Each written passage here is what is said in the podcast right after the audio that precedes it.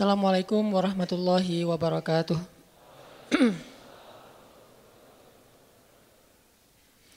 Alhamdulillahirabbil alamin. Alhamdulillahilladzi hadana li hadza wa ma kunna linahtadiya laula an hadanallah.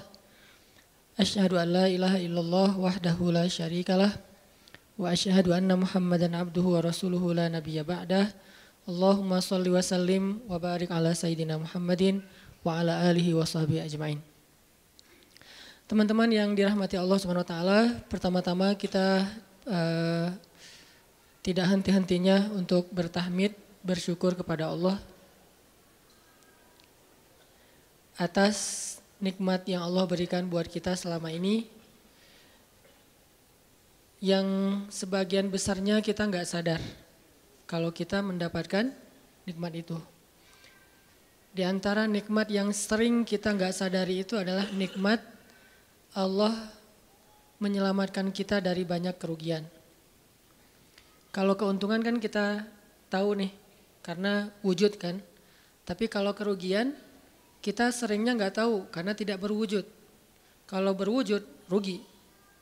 Kalau dihindarkan dari kerugian, pasti nggak akan ada wujudnya. Misalnya dihindarkan dari jatuh, berarti kan nggak ada lecetnya ya. Kalau lecet berarti jatuh. Kalau nggak lecet berarti nggak jadi ja, nggak jadi jatuh. Nah ini berarti kan tidak berwujud. Karena nggak berwujud, seringnya kita nggak sadar kalau itu nikmat dari Allah. Tapi kita harus belajar yakin itu sering terjadi dalam hidup kita. Baik itu lecet uh, fisik ataupun lecet hati. Berat. Karena kalau udah kerasa di hati kita kan berarti ada masalah nih. Kadang-kadang Allah menyelamatkan kita dari kekecewaan, dari marah, dari sakit hatinya. Itu kan tidak ada wujudnya karena kita diselamatkan. Tapi yakin bahwa sesungguhnya itu juga nikmat dari Allah. Makanya harus tetap bersyukur walaupun kita kadang nggak bisa menghitung nikmat Allah. Karena emang nggak mungkin menghitung nikmat Allah. Wa in ta'uddu Allah Gak mungkin kita bisa menghitung nikmat Allah. Gampangnya misalnya coba aja ada nggak kita yang bisa ngitung jumlah tetes air hujan ketika turun hujan? Itu baru satu nikmat ya, hujan doang nih. Bisa nggak ngitung berapa tetes air hujan yang jatuh ketika kita lagi musim hujan atau sekali hujan aja nih? Setengah jam, berapa tetes? Nggak ada yang bisa ngitung. Itu aja nggak sanggup, apalagi nikmat-nikmat yang lebih besar. Nah, jadi tetap walaupun kita nggak sadar nikmat Allah apa, tapi kita pakainya bukan cuma dengan logika. Hidup saya kayaknya gini-gini aja logikanya nih. Tapi kalau kita beriman sebetulnya nggak gini-gini aja. Hidup kita tuh harusnya lebih parah dari ini nih. Hidup kita tuh harusnya banyak masalah. Cuman sebagian besar masalah udah Allah hindarkan. Udah Allah selamatkan kita dari masalah-masalah itu. Cuman dikasih sebagian kecil sebagai pengingat buat kita. Kadang-kadang kalau nggak dikasih masalah sama sekali kita suka jauh dari Allah. Kan Allah kangen. Di antara hadis kangennya Allah kepada kita tuh, Allah kalau kangen kepada hambanya dikasih ujian. Hamba yang kayak gimana? Hamba yang kalau nggak dikasih ujian nggak deket sama Allah. Sehingga kalau Allah kangen sama kita, yang nggak deket sama Allah nih suka lupa sama Allah, Allah kasih kita ujian. Tapi ujian yang dikasih juga ujian yang insya Allah masih ketahan sama kita. Karena Allah nggak mau ngasih kita ujian yang mencelakai kita. Kalau itu terjadi namanya bukan ujian, tapi namanya azab. Dan insya Allah orang beriman nggak dapat itu. Yang dapat kayak gitu tuh kelasnya udah kelas Firaun, Haman, Korun, Namrud ya. Abu Jahal, Abu Lahab itu kayak gitu tuh. Tapi kalau kelas orang muslim yang udah beriman cuman nggak soleh-soleh amat, insya Allah yang dikasih bukan azab, yang dikasih adalah uji ujian. Kenapa Allah kangen dengerin curhat kita di sepertiga malam? Allah kangen ngeliatin kita menangis dan manja kepada Allah. Allah kangen kita bangun tengah malam atau sepertiga malam berdoa kepada Allah. Allah kangen kita berdiri dan sujud dengan uh, waktu yang lama. Kadang-kadang sujudnya setengah jam, saking lagi berserah diri kepada Allah. Allah kangen, makanya dikasih ujian dikit. Tapi ujian yang dikasih ke kita tuh sedikit dibandingkan yang Allah hindarkan dari kita. Tapi mana buktinya dihindarkan? Kalau ada buktinya namanya nggak dihindarkan. Kalau sudah wujud namanya kena. Kalau nggak kena pasti nggak ada wujudnya. Terus gimana kita tahu? Kita mungkin nggak tahu, tapi kita bisa meyakininya iman. Makanya yang dipakai bukan hanya logika, tapi juga i, iman. Karena Allah Subhanahu wa taala menyelamatkan kita siang dan malam. Kulla yaumin huwa fi sya'n. Itu ayatnya. Kulla yaumin huwa fi. Setiap hari Allah sibuk menyelamatkan kita. Salah satu tafsir dari kalimat fi adalah Allah sibuk menyelamatkan kita. Setiap hari kulla sibuk menyelamatkan fulan-fulan sebanyak jumlah manusia, sebanyak itulah yang Allah selamatkan. Bukan cuma mukmin. Bahkan orang kafir juga kadang Allah selamatkan, cuman di dunia. Kalau di akhirat beda lagi ceritanya. Kalau di dunia, rahmat Allah semuanya dikasih. Baik kepada mukmin ataupun kepada yang tidak mukmin dikasih rahmat Allah di dunia, tapi di akhirat hanya berlaku bagi orang-orang yang beriman. Kenapa orang yang tidak beriman kok dikasih rahmat Allah di dunia? Karena di sisi Allah dunia itu kecil. Gak terlalu berharga, makanya dikasih semuanya. Akhirat itu berharga, makanya dikasih buat yang Allah sayangi, yang Allah pilih doang, yaitu orang yang beriman. Jadi jangan sampai kita berpikir Allah tuh kayaknya gak fair, kok orang gak beriman dikasih rahmat di dunia? Karena dunia itu gak terlalu berharga di sisi Allah. Seandainya dunia itu ada harganya walaupun sebelah sayap nyamuk, gitu kan hadisnya? Gak akan Allah kasih itu dunia kecuali kepada orang beriman. Tapi berhubung lebih ringan daripada sebelah sayap nyamuk, dikasih kepada semuanya. Ibaratnya kalau kita ngasih kayak ngasih uh, lagi jalan gitu ya, uh, naik angkot misalnya, naik angkot terus sama istri nih naik angkot berdua. Terus uh, pas turun angkot, harga angkotnya tuh misalnya uh, ribu, Udahlah kasih aja lima ribu. Karena dua ribu yang kita kasih, nggak mungkin istri kita komplain. Kemarin aku minta nggak dikasih, nggak akan mungkin kan? Kenapa? Cuma dua ribu. Tapi coba ngasih seratus ribu. Beda tuh. Karena dia sesuatu yang ringan, maka tidak perlu kom komplain. Dua ribu doang, saya juga dikasih lebih dari itu. Harusnya kita sadar bahwa dunia itu dua ribuan dunia itu cuma dua ribuan. Gak terlalu berharga lah. Walaupun tetap butuh. Gak berharga juga bu, butuh. Sehingga ketika ada orang yang tidak beriman dikasih dua ribuan kayak gini, kita yang beriman jangan sirik. Ah mending saya gak beriman kalau kayak gitu. Ternyata gak beriman juga dapat tuh banyak. Gak banyak, cuma dua ribuan. Dan kita mah dikasih lebih banyak dari itu. Cuman yang dilihat dua ribunya, bukan yang ratusan ribunya. Ini artinya teman-teman yuk kita tetap belajar bersyukur kepada Allah. Walaupun kita nggak sadar nikmat Allah itu apa. Kita nggak bisa ngitung dengan logika kita. Lah tuh suha, nggak mungkin bisa dihitung dengan logika. Tapi kita masih punya logika iman. Yang kita yakin kulla yaumin huwa fi sya'n. Setiap hari itu Allah ngasih nikmat buat kita. Setiap hari itu Allah menyelamatkan kita dari banyak masalah. Setiap hari Bukan pernah tuh dulu gua nyelamatin lo, enggak. Setiap hari diselamatin. Kita ada orang yang kadang-kadang nyelamatin kita dari satu uh, musibah, itu kan berjasa dan kita kayak ngingat seumur hidup kan ya. Dianggap kayak orang yang paling berjasa dalam hidup kita. Dulu hampir putus gara-gara dia nggak jadi. Nggak jadi putus gitu, nyambung lagi dalam bentuk yang halal misalkan ya. Berarti kan dia paling berjasa nih. Kalau nggak gara-gara dia nih, udah putus tuh. Kalau nggak gara-gara dia udah cerai nih. Alhamdulillah gara-gara si Fulan, gara-gara Ustadz itu, gara-gara teman saya, gara-gara orang tua, kita yang tadinya hampir bercerai, nggak jadi bercerai kan dia berarti berjasa banget dalam hidup kita, menyelamatkan rumah tangga. Allah menyelamatkan kita dari yang kayak gitu-gituan tuh kullayaum setiap hari. Kalau yang belum menikah, setiap hari Allah menyelamatkan kita dari zina. Apalagi kita hidup di zaman fitnah. Apalagi kita hidup di, di kota besar kayak di Bandung, yang fitnahnya mungkin lebih besar daripada di desa. Dengan mudah kita bisa terjerumus ke dalam dunia-dunia yang kayak gituan. Mudah banget. Tapi setiap hari diselamatin, besok diselamatin lagi, lusa diselamatin. Walaupun sering kali Allah pengen nyelamatin kita, kitanya aja yang kekeh nggak mau diselamatin. Udah jatuh, Allah selamatkan dari apa? Dari makin terpuruk. Kadang-kadang kan jatuh ketiban tangga nih Jatuh doang nggak ketiban tangga.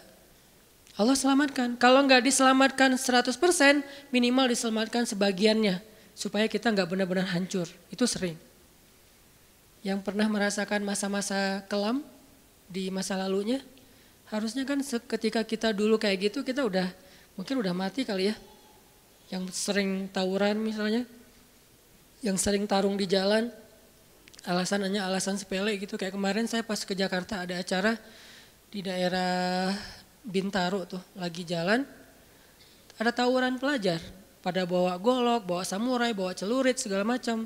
Kita agak-agak kaget karena kita platnya plat D gitu kan. Agak bahaya nih di Jakarta soalnya. Langsung kita gimana nih plat D masa mau ditutup pakai tangan nggak mungkin kan ya mobil. Akhirnya lah haula aja. Coba bayangin, mungkin sebagian kita pernah ngalamin masa kayak gitu dan mungkin lebih parah. Yang kayak gitu-gitu mah udah jadi kayak uh, sarapan lah. Kalau nggak makan siang, kayak gitu-gitu. Udah sering. Kenapa masih bisa selamat dan sekarang bisa duduk di masjid? Kalau bukan karena Allah menyelamatkan kita. Jadi kalau ada yang cerita ke saya itu tentang pengalaman masa lalunya yang luar biasa kelam, saya itu selalu bukan takjub ke dianya, takjub ke Allahnya. Bukan takjub karena dia bisa berhijrah, takjub karena Allah masih menyelamatkan dia dan menghijrahkan dia. Sehingga ketika dengar cerita kayak gitu, yang kita ucapkan adalah, Masya Allah, Alhamdulillah. Bukan, wah hebat lo ya, dulu pernah bunuh orang, pernah ini, pernah semua dosa pernah gue lakuin dah. Itu nggak perlu bangga, karena kalau dia nggak diselamatin Allah, dulu udah celaka dengan dosa-dosa itu. Tapi karena Allah selamatkan, akhirnya dia diberi kesempatan. Bikin dosa dibiarin sama Allah. Bikin dosa dibiarin, bukan dibiarin uh, berbuat dosa, dibiarin supaya dia kembali kepada Allah. Dikasih kesempatan. Dan itu nggak sehari, bertahun-tahun kan kita kayak gitu. Masih aja Allah uh, biarin, masih Allah kasih kesempatan. Ini artinya teman-teman benar kullayaumin huwa fi sya'an. Setiap hari itu Allah selalu jagain kita. Setiap hari itu Allah selalu nyelamatin kita dari banyak masalah. Kalau yang udah nikah, mungkin di hari-hari pertama atau tahun-tahun pertama nih pengalaman pernikahan ya. Eh, ya nggak apa-apa deh. sedikit lah ya. Saya emang nggak terlalu berpengalaman. Ada yang lebih berpengalaman dari saya lah ya. E, ada sedikit pengalaman.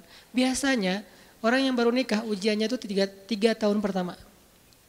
Kalau dia bisa ngelewatin masa tiga tahun pertama, insya Allah agak lebih mudah ke depannya. Tiga tahun pertama ini paling berat. Apalagi kalau dia nikahnya, alhamdulillah nggak pacaran. Kalau pacaran kan ujiannya udah sebelum nikah udah banyak ujian ya. Pas sudah nikah ya udah selesai. Bukan udah selesai ujiannya, udah nggak ada yang perlu di, udah hambar aja. Udah plain ya. Emang pernah gitu Ustaz? Enggak sih. Untung ya, untung. Alhamdulillah nggak pakai pacaran. Soalnya yang pacaran diputusin melulu. Jadi yang udah pacaran lama, pas udah nikah, eh kita mau ngapain lagi ya? Kayaknya udah semua ya. Oh iya, udah semua. Bulan madu dari dulu juga udah sering. Kan udah agak-agak plain gitu kan. Tapi kalau yang belum nikah, eh belum pacaran, nikah nih jadi kayak benar-benar baru pacaran, cuman ada konsekuensi lain yang mungkin ini jadi kayak semacam ujian lah biar sabar. Masa-masa adaptasi, masa-masa saling mulai mengerti, oh ternyata kamu tuh kayak gini dan segala macam. Apalagi kalau baru nikah langsung LDRan kan berat banget tuh. Nikah LDRan, pacaran LDRan aja berat. Benar gak sih? Ah nggak ngaku eh. Pacaran LDRan aja berat apalagi nikah LDRan. Kenapa? Pacaran itu kan masih banyak pantangan. Nikah kan udah masih apa, banyak ibadahnya. Tapi nggak boleh ibadah, coba gimana? Nggak sengsara tuh. Merana kan? Harusnya boleh tapi nggak boleh. Yang tadinya nggak boleh aja apa sengsara apalagi udah boh, udah boleh. Nah ini artinya setiap hari dalam tahun-tahun pertama pernikahan kita bisa aja mengatakan udah deh kamu talak, uh, saya talak kamu apalagi laki-laki. Kalau nggak sabar dikit keluar kata-kata talak. Kalau udah keluar nggak bisa ditarik lagi tuh. Karena kalimat itu walaupun guyon tetap kena kan. Guyon aja kena apalagi serius. Enggak usah saya waktu itu lagi ter apa e, dikuasai amarah. Emang ada yang cerai dalam keadaan nyaman. Eh kita talak yuk gitu. Nggak ada kan. Yang namanya cerai pasti marah tuh. Jadi nggak nggak ada istilah gara-gara marah terus talaknya nggak berlaku nggak. Maksud marah yang nggak berlaku talak itu kalau sampai hilang akal. Tapi rata-rata kita masih berakal sih walaupun marah juga. Karena ada orang yang marah tuh kemudian dia jadi kayak orang yang gila gitu gara-gara marahnya itu hilang akal. Tapi kalau masih berakal, masih mukallaf, masih bisa berpikir, ya namanya cerai nggak ada yang nggak marah. Yang namanya cerai pasti mah marah. Say, apa? Aku talak kamu. Nggak ada. Udah talak manggilnya say. Udah gitu pakai emoticon yang love love love gitu. Tapi talak kan agak-agak klise ya. Nggak ada. Pasti emoticonnya tuh berderai-derai atau hatinya terbelah kan gitu kan ya. Lagi rame soalnya tuh yang kayak gitu-gitu. Cie. Ini artinya bahwa yang namanya talak nggak ada nyamannya. Pasti lagi marah dan tetap berlaku teman-teman. Kalau nggak Allah membimbing lisan kita, mungkin hari kedua udah talak tuh. Kalau Allah nggak membimbing hati kita, mungkin bulan pertama udah talak. Berarti kulla yaumin huwa fi sya'an. Sebetulnya kalau dengan logika iman, harusnya kita yakin setiap hari itu Allah pasti nyelamatin kita setiap hari. Cuman karena udah diselamatin jadi nggak ketahuan. Kalau nggak diselamatin ketahuan. Mau tadi mau jatuh di jalan nih naik motor nih, mau keserempet harusnya jatuh, tapi nggak jadi keserempet atau kesampai dikit nggak jatuh. Kan kita suka lupa kalau kayak gitu kan ya. Kalau udah jatuh baru ingat. Kan saya tadi udah baca bismillah kenapa masih jatuh gitu kan. Tapi kalau nggak jatuh kita lupa bahwa ternyata perjalanan kita itu dilindungi oleh Allah sehingga kalau udah sampai bilang Alhamdulillah. Jadi banyak yang kita nggak bisa ngitung karena memang tidak terjadi. Kenapa nggak terjadi? Allah yang menyelamatkan kita. Kulla yaumin huwa sehingga tetap walaupun mungkin kita nggak ngerasain, bilang aja Alhamdulillah, Alhamdulillah setiap hari aja gitu. Karena nggak ada ruginya juga kita ngomongin Alhamdulillah. Satu-satunya kata atau nama yang nggak rugi disebut cuma nama Allah. Dan satu-satunya nama yang rugi kalau disebut nama mantan. Itu nggak enak banget nyebutnya. Kadang-kadang lagi ngobrol sama temen atau lagi kenalan di di dalam kampus nih ya atau kelas anak baru ceritanya. Kan kenalan nih, Dipanggil nama sama guru satu-satu. Pas ada satu nama misalnya namanya siapa gitu kan ya. Kita kita sendiri yang pas nama itu disebut langsung meriang. Lah kamu kenapa? Itu nama mantan saya bu. kan suka gitu ya. Sampai ada nama jalan bisa buat dia apa kegeeran sendiri. Saya pernah di Masjidil Haram ada salah satu nama uh, apa uh, gate nama gate tuh bukan gate Masjidil Haram ya kalau gate Masjidil Haram semuanya nama cowok kan nggak mungkin saya punya mantan cowok kan salah satu gate di hotel lah. itu namanya tuh nama, pokoknya nggak usah disebut, ketahuan ntar. Di stalking lagi ya. Ada salah satu gate di hotel besar kayak Zam Zam Tower gitu. Gate-nya tuh namanya nama e, seseorang. Pas ngeliat tuh, Hah, gitu doang. Coba bayangin, nama aja bisa bikin kita apa calangap? Hah, nama, coba. Jadi satu-satunya nama yang kalau disebut itu bikin kita nggak nyaman, itu nama muatan. Dan satu-satunya nama yang kalau disebut bikin kita dapat kebaikan cuma nama Allah Subhanahu wa taala. Setelah itu baru nama Muhammad sallallahu alaihi wasallam. Makanya nggak ada ruginya lah bilang bismillah, innalillah, astagfirullah, masya Allah, subhanallah dan segala macam yang ada kata Allahnya. Sehingga Nabi bilang segala sesuatu yang di dalamnya ada nama Allah maka diberkahi dan segala sesuatu yang di dalamnya tidak ada nama Allah maka tercabutlah kebaikannya. Jadi nggak ada rugi. Sehingga sampai nama orang aja yang paling baik itu adalah Abdullah sama Abdurrahman. Walaupun manggilnya Dol, El, tapi tetap namanya bagus nih, Abdullah, Abdurrahman. Kepanjangan eh prolognya eh. tapi ada hubungannya. Allah itu kalau kangen sama kita, Allah kasih kita ujian. Makanya jangan bikin Allah ngasih kita ujian kalau kangen, tapi ngasih kita nikmat. Kenapa Allah kasih kita nikmat? Soalnya kita udah biasa, nggak perlu diuji juga, udah tetap uh, setiap malam itu curhat sama Allah. Bukan pas lagi banyak masalah doang baru curhat. Kalau pas banyak masalah doang baru curhat, berarti pas kita lagi normal, kita lama tuh nggak ketemu Allah, nggak pernah miss call Allah, nggak pernah japri Allah, nggak pernah curhat ke Allah, nggak pernah DM. Kan Allah kangen nih. Ke mana ya dia kok nggak pernah DM saya? Kok nggak pernah miss call saya? Kok nggak pernah japri ke saya? Padahal online-nya sering loh.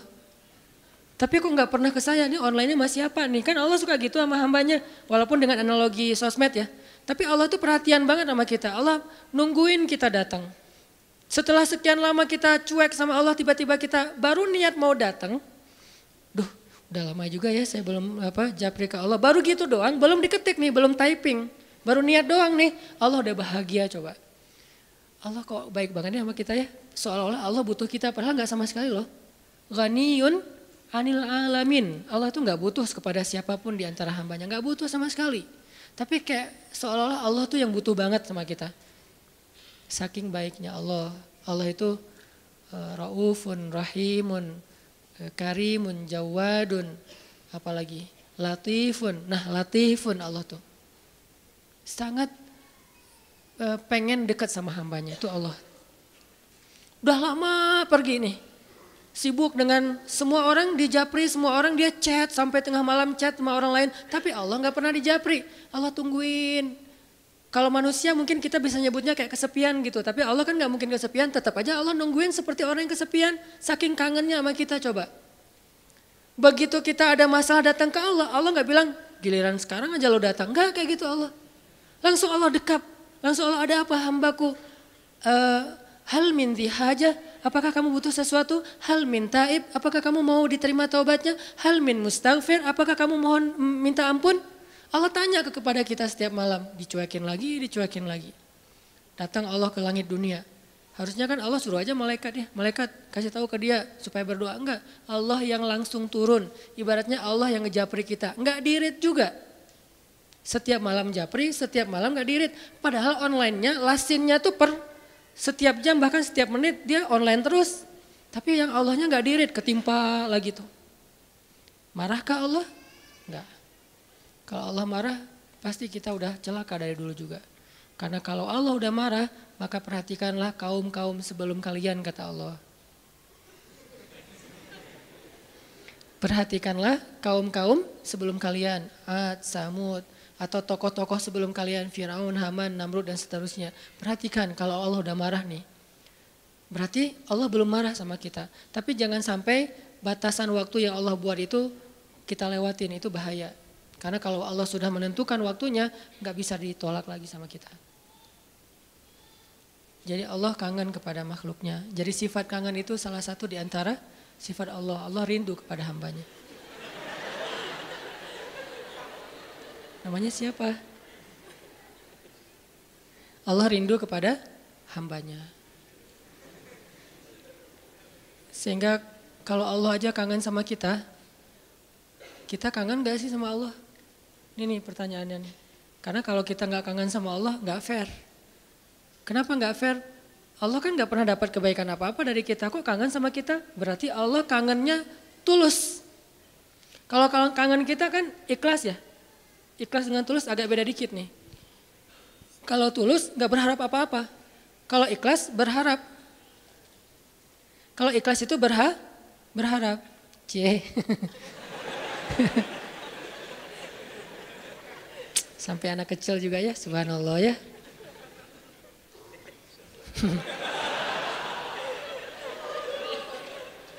Otomatis ada cewek soalnya. Cewek kecil. Allah aja tuh nggak menginginkan apa-apa dari kita kangen. Berarti kan nggak ngarapin apa-apa, bisa kangen. Baik banget kan? Nah kita kalau kangen pasti ada ngarapin sesuatu. Kayak kangen orang tua, kenapa? Pengen masakan ibu. Kangen uh, kampung halaman, kenapa? Pengen jajan, pengen lihat suasana yang luar biasa di keluarga. Kan kangen ya kampung halaman. Kangen dia misalnya. Pengen disiapin segelas apa misalnya. Green tea lah atau Thai tea atau apalah kalau yang standar maya atau kopi misalnya.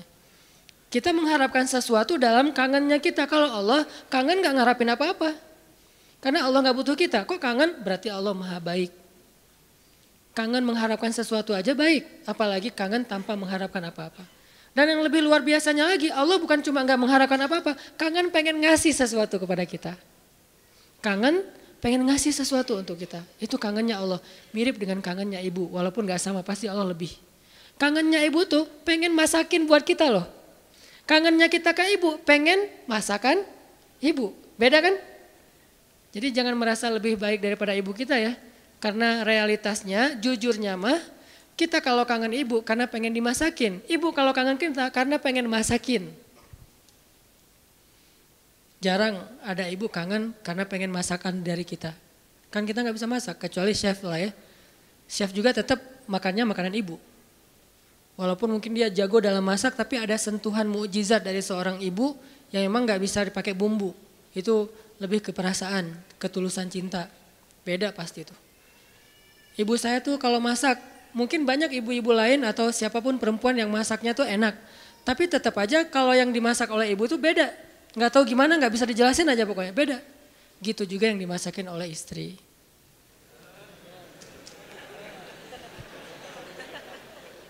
Nggak pernah ngerasain nggak apa-apa.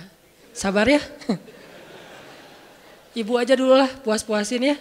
Karena ibu tetap aja uh, seseorang yang luar biasa. Allah tuh kayak gitu analogi cinta Allah kepada kita walaupun gak sama persis tapi minimal ada analoginya kayak ibu kepada anak. Allah tuh kangen sama kita bukan karena pengen sesuatu dari kita tapi karena pengen ngasih sesuatu untuk kita. Kok bisa gitu? Ibu aja bisa apalagi Allah. Padahal ibu kan manusia yang punya banyak kekurangan kadang dia capek, kadang dia juga lelah, kadang dia butuh uh, apa uh, harta dan segala macam. Namanya ibu kadang-kadang butuh kayak saya lagi di Mesir tuh telepon ibu saya, "Mak, butuh apa?" Ini di rumah uh, kalau bulan Ramadan kan bentar lagi bulan puasa, orang Aceh nyebutnya bulan puasa. Bentar lagi kan bulan puasa, di rumah nggak ada es, masa harus beli terus ke tetangga nggak enak. Menjelang berbuka pas lagi ngabuburit datang ke rumah tetangga, bisa nggak beli kulkas? Boleh, boleh mak, boleh gitu. Nggak pernah saya ngerasa, ah mak nggak kangen sama saya, kangennya kulkas. Enggak kan? Walaupun ibu kita manusia, tetap aja kangennya lebih tulus daripada kangen kita. Kenapa ibu pengen beli kulkas? Bukan buat dirinya, buat adik-adik. Karena adik-adik itu kalau buka puasa pasti wajib mereka mah minumnya yang dingin misalnya. Nah ibu nggak suka minum dingin. Ibu sama ayah nggak suka minum dingin. Ayah saya pasti buka puasanya kalau nggak rokok ya kopi. Sebelum buka puasa tuh satu bungkus tuh udah di depan rokok sama kopi. Udah itu aja tuh, nggak ada ribet-ribetnya. Mungkin nggak bisa ninggalin ya karena dari udah sekian lama katanya sih rokok sebelum sekolah dulu teh. Jadi belum sekolah ngerokok dulu baru sekolah. Orang dulu lah ya. Sampai saya dulu pernah waktu kecil tuh diajarin ngerokok sama ayah saya. Untungnya saya sesak nafas, akhirnya nggak nggak bisa nerusin warisan dari ayah saya. Kan dulu mah suka nonton dunia dalam berita gitu kan, masih TV hitam putih dunia. Ah ketahuan usianya eh. Dunia dalam berita, pasti banyak yang nggak tahu dunia dalam berita itu apa. Anak zaman now lah. Dulu tuh ayah saya ngerokok sambil nonton dunia dalam berita. Terus tahun sekali G30 SPKI kan, nonton. Saya di sebelahnya. Ya, coba dong. Wes. Jadi kita kompak tuh berdua tuh. Wes. Satu batang berdua, sisanya satu bungkus sendiri dia. Jadi enggak bukan karena pengen minum air dingin ayah dan ibu saya beli kulkas justru buat adik-adik berarti tetap aja tulus. Terus mak butuh apa? Nih adik-adik belum sekolah, mak butuh apa? Enggak pernah minta untuk dirinya sendiri. Mama nih mau lebaran enggak ada baju baru, enggak pernah. Pasti untuk adik-adik. Kenapa enggak untuk saya? Mungkin dianggap saya udah mampu sendiri, udah mandiri, jadi udah enggak, enggak perlu dikasih-kasih. Artinya dalam cerita ibu kita bisa melihat kebesaran Allah. Kalau ibu aja yang penuh dengan kekurangan bisa setulus itu, apalagi Allah. Ibu bisa kangen kepada kita karena pengen masakin buat kita. Allah kangen kepada hambanya karena pengen ngasih nikmat untuk hambanya. Allah kangen kepada pendosa karena pengen ngampunin dosa-dosa dia. Kenapa nggak diampunin aja? Karena dia nggak datang. Kenapa nggak dimasakin aja? Ngapain dimasakin orangnya nggak ada? Kan gitu kan? Katanya ibu kangen, tapi kok nggak masak masakan kesukaan aku? Lah kamu masih di Bandung, ibunya di Jawa. Ya gimana yang masakin? Siapa yang makan basi? Nah ibu nggak makan spesial itu sehari-hari paling makan nasi putih, garam sama uh, telur ceplok. Kalau enggak juga cuma cabai. Saya waktu kecil makanan favorit saya itu nasi putih, garam, cabai. Itu aja dimakan, enak banget tuh. Sesekali makan telur di dada, diceplok, itu juga tunggu dari kandang ayam, karena kita nggak beli telur, tapi e, ibu tuh nernak ayam di belakang. Setiap pagi saya periksa, pinggir loh, ngeliat telur loh gitu. Si ayam-ayamnya dipinggirin. Oh nggak ada, ah, kurang produktif. Oh, iya. Hari berikutnya dicek, tiga hari sekali ada telurnya kan telur kalau baru apa baru dari kandang tuh kan anget banget tuh.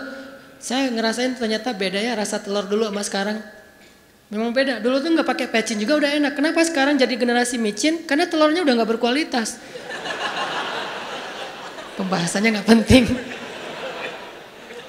Jadi masakan apa makanan ibu cuma gitu. Terus kenapa ibu? Misalnya di Aceh itu ada namanya masakan e, kari lah ya, kari kambing, kari ayam. Kenapa emak kalau katanya kangen sama aku kok nggak masakin kari ayam? Lah kan kamu di Mesir, ngapain dimasakin? Yang makan siapa? Gitu juga Allah. Katanya Allah pengen ngampunin dosa aku kok nggak diampunin? Lah kamu nggak pernah taubat, nggak pernah datang, nggak pernah sujud, nggak pernah minta ampun. Gimana mau diampunin? Kayak dikasih ampunan nggak ada yang ngambil gitu. Bukan Allah nggak mau ngampunin kita, kita nggak mau ngambil. Kita nggak mau makan, kita nggak mau datang gitu. Padahal Allah sediain. Begitu kita mendekat sedikit aja langsung Allah masakin tuh ampunan. Langsung menunya yang paling enak kalau analogi ibu tadi masak. Langsung disediain untuk kita. Disediakan dengan sangat istimewa buat kita ampunan Allah. Apa istimewanya? Lengkap. Lengkap gimana? Dosanya, semua dosa diampuni. Semua dosa tuh ada tuh. Dosa A, B, C, ya ampuni semuanya. Taubat diterima dengan seolah-olah kita tuh udah orang paling suci. Kan orang yang paling suci itu orang yang baru bertobat kan? Orang yang paling suci itu orang yang bukan banyak amal soleh. Itu orang yang paling banyak pahalanya. Tapi orang yang paling suci justru yang pertama bertobat itu paling suci. Setelah itu mungkin udah mulai agak mix lagi nih. Udah ada dosa, ada pahala. Tapi baru-baru taubat itu saat yang paling suci setelah kita dilahirkan oleh ibu kita. Kita udah jauh dosanya udah kayaknya kalau di dosa itu jadi titik-titik di hati kita, bukan hati kita doang yang hitam, seluruh tubuh kita udah hitam. Karena udah nggak ada nggak ada tempat lagi di hati, saking banyaknya dosa. Kalau seandainya dosa itu satu titik pulpen, terus setiap kita buat dosa tuh jadi tinta sekecil ujung pulpen itu di hati kita, kayaknya bukan hati kita doang yang udah hitam, seluruh tubuh kita juga udah hitam. Bukan cuma tubuh kita, sampai area di sekeliling kita tuh udah hitam saking banyaknya dosa. Soalnya di hati udah nggak ada tempat kosong untuk nitik-nitik kayak gitu.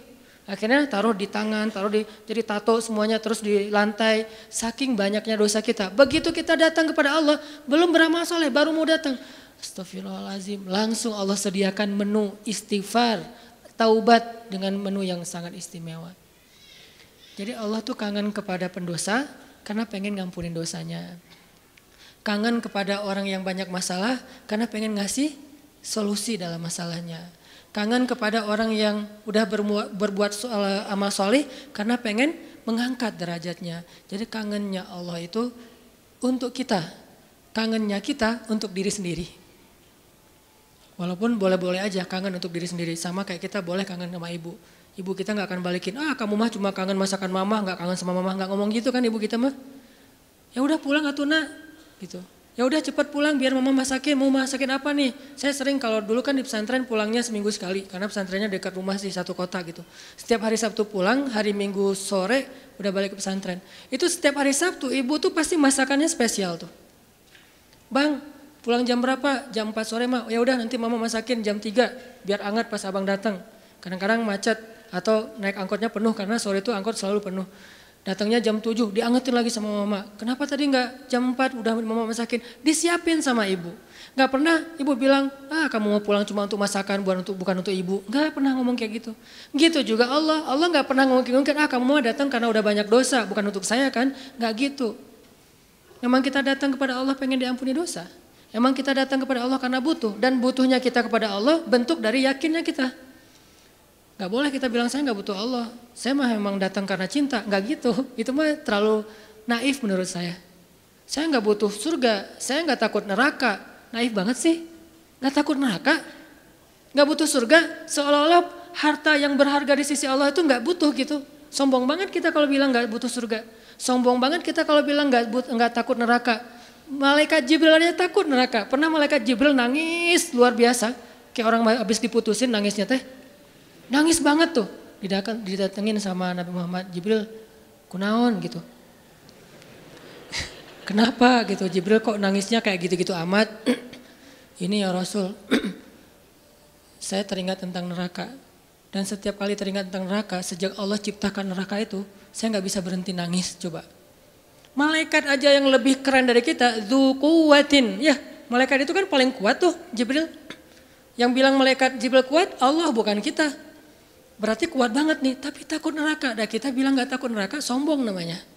Harus takut neraka, harus pengen surga. Dan tetap cinta kepada Allah. Dan itu nggak nggak bertabrakan tuh.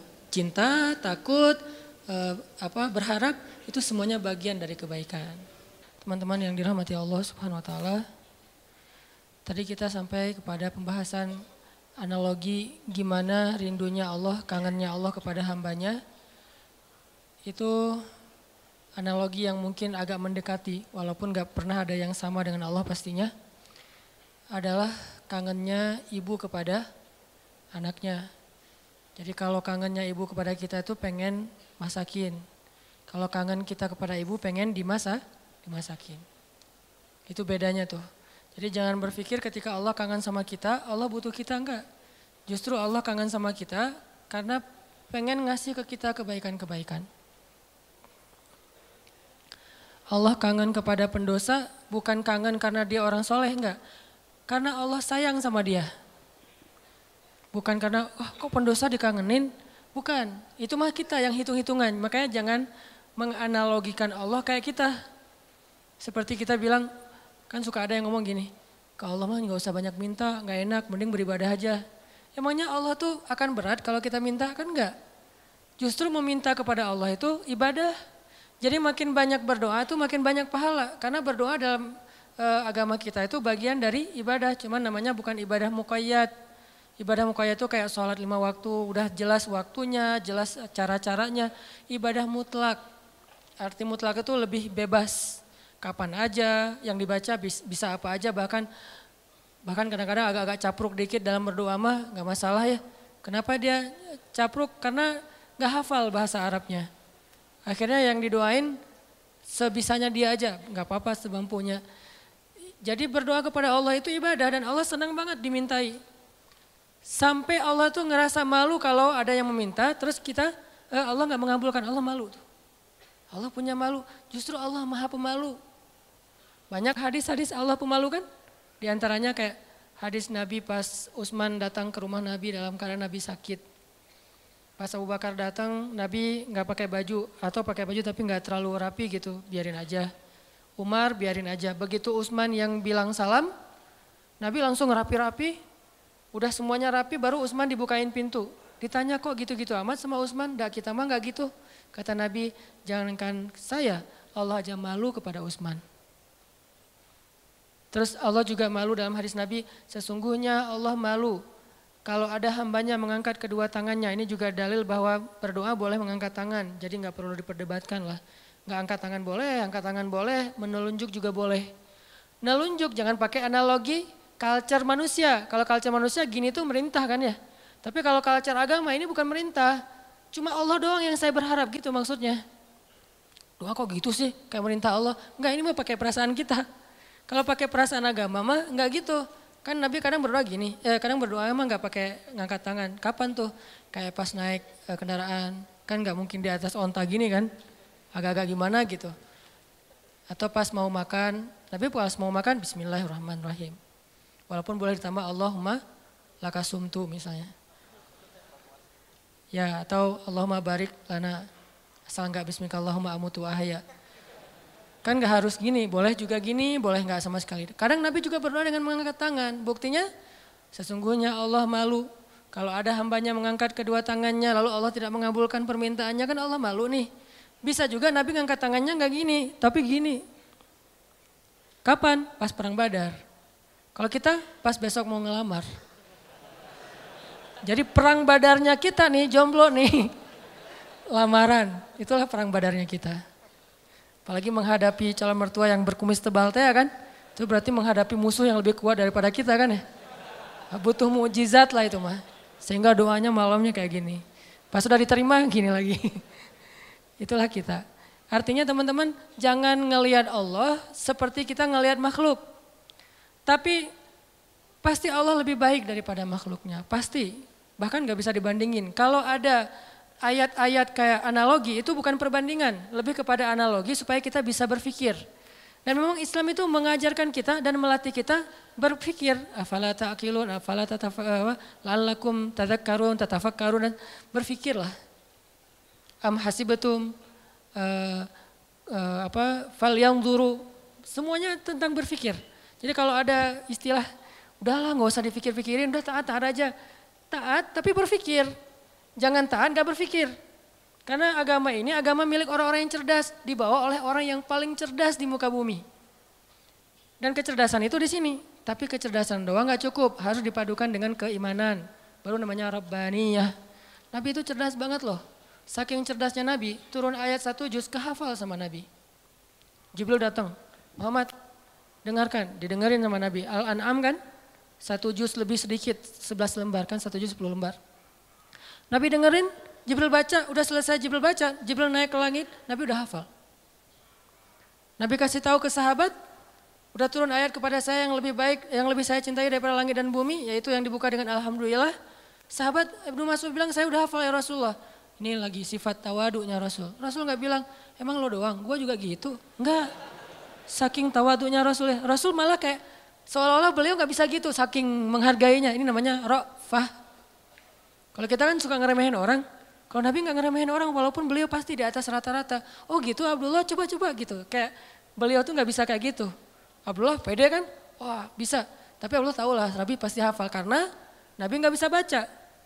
Kalau Abdullah mengulang hafalan itu dari Nabi mendengar, gimana kalau Nabi nggak hafal? Kan Nabi membacakan dulu di antara para sahabat. Nggak ada satu huruf pun yang salah yang dibacakan Nabi. Padahal cuma sekali dengar nih. Berarti Nabi itu orang cerdas. Hafalannya kuat. Dan lagi-lagi jangan ngelihat kecerdasan hanya dengan bisa baca tulis. Karena kalau kita pengen baca sejarah, bacalah dengan analogi, dengan persepsi sejarah. Jangan baca sejarah dengan persepsi kekinian, itu keliru. Saya nggak bilang salah ya, keliru. Karena salah dan keliru itu beda. Kalau salah dalam bahasa fikih namanya batil. Benar, hak. Kalau keliru, khata, benar, sawab. Itu keliru kalau kita membaca sejarah tapi pakai persepsi kekinian. Contoh, katanya pinter tapi kok nggak bisa baca tulis? Karena di zaman sekarang pinter itu dilihat dari kemampuan membaca dan menulis. Di zaman dulu culture-nya belajar itu nggak lewat baca tulis. Di zaman Nabi dulu belajarnya lewat menghafal. Jadi orang yang pintar di zaman itu adalah yang bagus hafalannya. Orang yang pintar di zaman sekarang adalah yang paling pintar nulis dan membacanya. Bahkan zaman now mah udah nggak baca tulis, udah lebih ke aplikasi, udah lebih ke otak atik, eh, bahkan kadang-kadang nggak aplikasi, googling aja. Saking simpelnya. Jadi orang yang mungkin sekarang dianggap agak kekinian, nggak pintar lagi istilahnya kekinian, kalau dia dengar ceramah udah pakai eh, apa misalnya streaming, atau kalau dia lihat langsung dia pakai recording, kalau dulu nggak pakai recording aplikasi, ah, recordingnya di sini. Sehingga culture model belajar di zaman Nabi dengan zaman sekarang berbeda. Sehingga kita nggak boleh menjudge sejarah dengan persepsi kekinian itu nggak boleh. Sama kayak kita menjudge Nabi menikah dengan anak di bawah umur dengan persepsi kekinian. Memang 12 tahun itu atau 11 tahun di zaman sekarang itu di bawah umur. Tapi di zaman itu coba kita baca sejarahnya lebih lengkap deh. Aisyah sebelum dilamar sama Nabi, itu udah khidbahan loh. Udah jadian. Sama siapa? Sama anak seorang laki-laki yang belum beriman, namanya anak Mut'im bin Adi. Mut'im bin Adi ini salah satu orang kafir tapi pelindung Nabi kayak Abu Talib. Setelah Abu Talib wafat yang gantiin Abu Talib itu Mut'im namanya. Mut'im bin Adi. Aisyah itu udah ditunangkan sama anaknya Mut'im. Nabi nggak tahu. Nabi dapat mimpi kan, yang dapat kain sutra dari uh, surga gitu.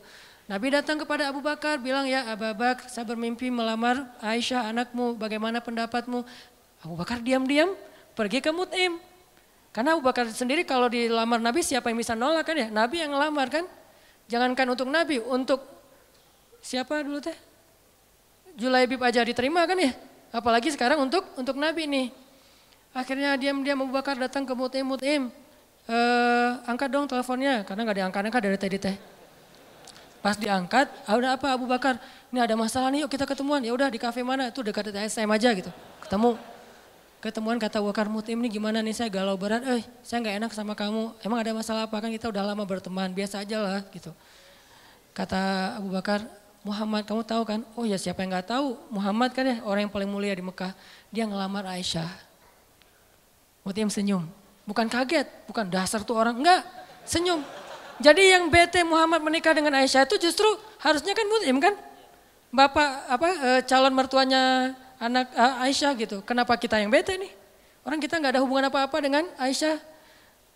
Akhirnya Muslim senyum. E, terus Muslim bilang kata Abu Bakar, terus gimana menurut kamu ya Muslim? Kata Muslim, ya Abu Bakar, kalau gitu kita batalkan pertunangan anak kita. Sesungguhnya Muhammad lebih layak untuk Aisyah daripada anak saya. Jadi secara culture, Aisyah itu emang udah waktunya menikah di waktu itu. Tapi kalau kita ngelihatnya dari angle kekinian, itu di bawah umur. Makanya jangan menjat sejarah dari angle kekinian. Itu nggak fair. Banyak lagi apa adegan-adegan sejarah. Ini yang kita belajar di Al-Azhar itu kayak gini nih, belajar berpikir, belajar berfilosofi. Kalau orang bilang filsafat itu nggak butuh, nggak tergantung filsafatnya. Karena ada filsafat Islamiyah, ada filsafat Garbiyah. Kalau Garbiyah itu western lah filsafat sekuler. Tapi kalau Islam juga berfilsafat, ternyata gitu ya. Baca tafsir juga butuh filsafat. Saya kalau baca Al-Quran yang ada tafsirnya atau enggak pakai tafsir, misalnya baca Al-Quran beberapa ayat yang udah ngerti gitu ya. Subhanallah, ketika kita berpikir tentang Al-Quran, kebayang hal yang luar biasa tentang kebesaran Allah. Itu luar biasa loh. Kayak saya pernah bilang ayat Allah tuh zatnya kalau kita ke teman bilangnya orangnya gitu ya. Allah itu zatnya nggak enakan. Apa bukti Allah nggak enakan? Tuh buktinya tuh ayat sebelum tentang pengubahan kiblat Allah mengatakan raufun, dirinya tuh rauf, artinya rauf itu nggak enakan. Apa wujud nggak enakan Allah? Salah satunya ayat tentang puasa. Itu Allah nggak enakan banget tuh. Mau nyuruh kita puasa aja, perintahnya satu, tapi bahasa-bahasa untuk seolah-olah memotivasi kita, itu satu lembar loh. Ya ayuhalladzina amanu, kutiba alaikumusiyam Makanya bacanya jangan ya ayyuhalladzina amanu. Beda itu. Beda intonasi, beda pesan. Tapi kalau kita baca ya ayyuhalladzina amanu kan kata Nabi, bacalah Al-Qur'an dengan suara sedih kan? Bukan dengan suara teriak. Kadang kita ya ayyuhalladzina amanu, tergantung khotibnya kan ya. Padahal kadang ayat itu turunnya nggak gini, tapi santai turunnya. Ya ayyuhalladzina amanu, kutiba alaikumusiyam. Wahai orang yang beriman, diwajibkan bagi kalian berpuasa. Tapi coba perhatikan kalimat berikutnya. Kayak Allah nggak enakan banget. Kama kutiba alal ladina min qablikum. Seperti telah diwajibkan kepada orang sebelum kalian. Seolah-olah Allah ngomong gini, eh puasa ya tapi nggak usah khawatir bukan kalian doang yang disuruh, yang lain juga disuruh gitu. Kayak kita bilang ke teman kita nih lagi ada event, kita jadi panitia gitu.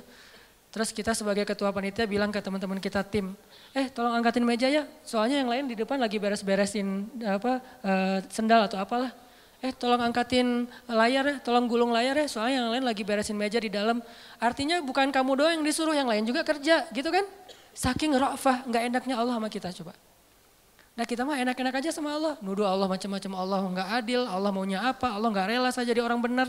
Allah aja ke kita yang Allah maha sempurna, nggak enakan coba. Wahai orang yang beriman, berpuasalah atau diwajibkan bagi kalian berpuasa. Tapi bukan kalian doang, orang sebelum kalian juga diwajibin. Kama aku tiba alal ladina min qablikum. Eh, ini untuk kalian bukan untuk saya. Lalakum tatakun supaya kalian bisa jaga diri kan takwa itu menjaga wikoya. Bisa jaga diri, maksud jaga diri apa Ustadz? Kan kata Nabi juga bagi para jomblo, kata Nabi kan ya. Kalau kalian udah sanggup menikah, menikahlah kalau nggak sanggup atau nggak ada yang mau, nggak ada yang mau sih nggak ada nggak ada hadisnya sih, nggak sanggup maksudnya.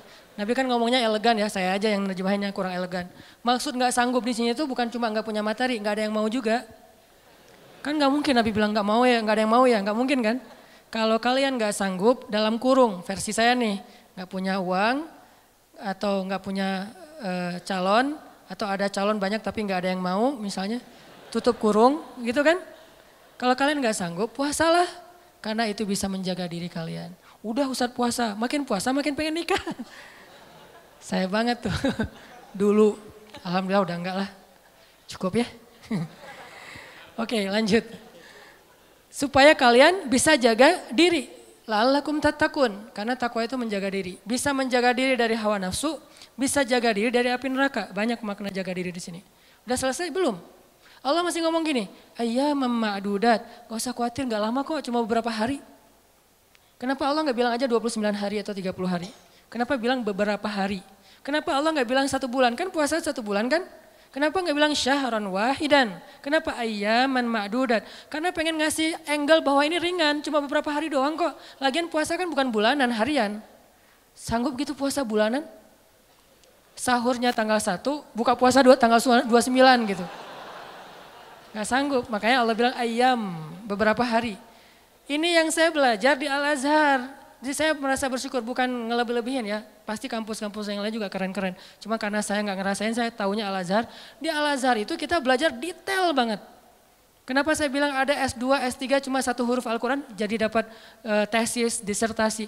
Karena yang dipelajari itu detail. Ngapain gitu-gitu amat sih, udah tahan aja. Enggak, kalau yang mutar aja nggak usah berpikir. Tapi berpikir supaya kita bisa menjadikan agama ini sebagai uh, rahmat, sebagai solusi buat kehidupan kita. Ini bedanya belajar Al-Azhar dengan di beberapa tempat ya. Kalau di beberapa tempat belajar fikih itu lebih kepada produk apa produknya, produk fikih. Halal, haram, boleh nggak boleh itu kan produk fikih kan. Kalau di Al-Azhar bukan belajar produk, belajar, belajar cara memproduksi. Mesinnya dipelajari. Sehingga ketika ada masalah baru, mesin ini tinggal diulik dikit, produksi yang lagi yang baru. Kayak tadi misalnya bikin apa gitu, ternyata udah berubah zamannya, udah seleranya udah nggak kayak gitu lagi, akhirnya digantilah, bikin lagi yang baru.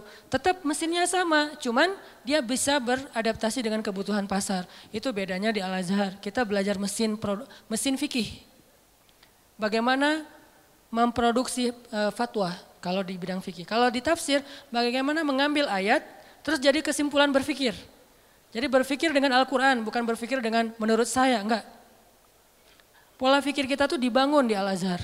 Sehingga pas kita dengerin dosen ngomong, benar-benar itu calangapan benar tuh. Karena ilmu dosen-dosen di sana tuh luar biasa. Kalau ngomong tuh kayak seolah-olah dia udah kuasai seluruh Al-Quran. Dia jadi Al-Quran itu diambil tuh sepotong-sepotong, sepotong-sepotong dikumpulin jadilah satu menu makanan. Tuh gitu di Al-Azhar teh. Intinya yang saya pengen sampaikan kepada teman-teman, jangan ngelihat Allah kayak ngelihat makhluk. Karena nanti jadi salah paham. Jangan banyak minta lah, gak enak sama Allah. Justru Allah itu gak enak kalau gak diminta. Allah senang banget kalau kita minta. Dan Nabi yang paling banyak meminta ke Allah namanya Ibrahim. Sehingga disebut Inna Ibrahim la'awahun halim. Apa arti awah? Bukan awah ya. Awah artinya da'a, suka berdoa. Dan di Al-Quran itu Nabi yang paling banyak kalimat doanya kan Ibrahim kan? dikit-dikit ya Rabbi, ya Ilahi, ya Allah selain Musa. Awahun da'a suka berdoa. Gitu juga tadi dalam kasus surga neraka. Ada orang bilang, saya emang gak takut sama neraka. Setan aja, iblis takut sama neraka. Kita lebih garang daripada iblis? Enggak. Iblis itu udah paling, kalau dibilang bejat, paling bejat mah iblis. Udah nggak ada lagi lebih bejat daripada iblis. Nah gua mah lebih bejat dari iblis, nggak ada. Iblis itu paling bejat tuh udah. Jadi kalau ada manusia gimana pun dia bejat masih kalah sama iblis. Yang paling soleh itu adalah Muhammad SAW. Walaupun yang paling suci adalah malaikat, tapi yang paling soleh beda suci sama soleh ya. Karena orang soleh bisa aja ada kesalahan. Nih nih berpikir nih, orang soleh tetap ada kesalahan. Kalau suci nggak ada kesalahan. Dan gak ada manusia yang suci. Yang ada manusia yang soleh. Nabi bukan suci, maksum, terjaga. Kesalahan tetap ada, tapi bukan dosa. Karena Nabi tidak berbuat dosa, karena maksum.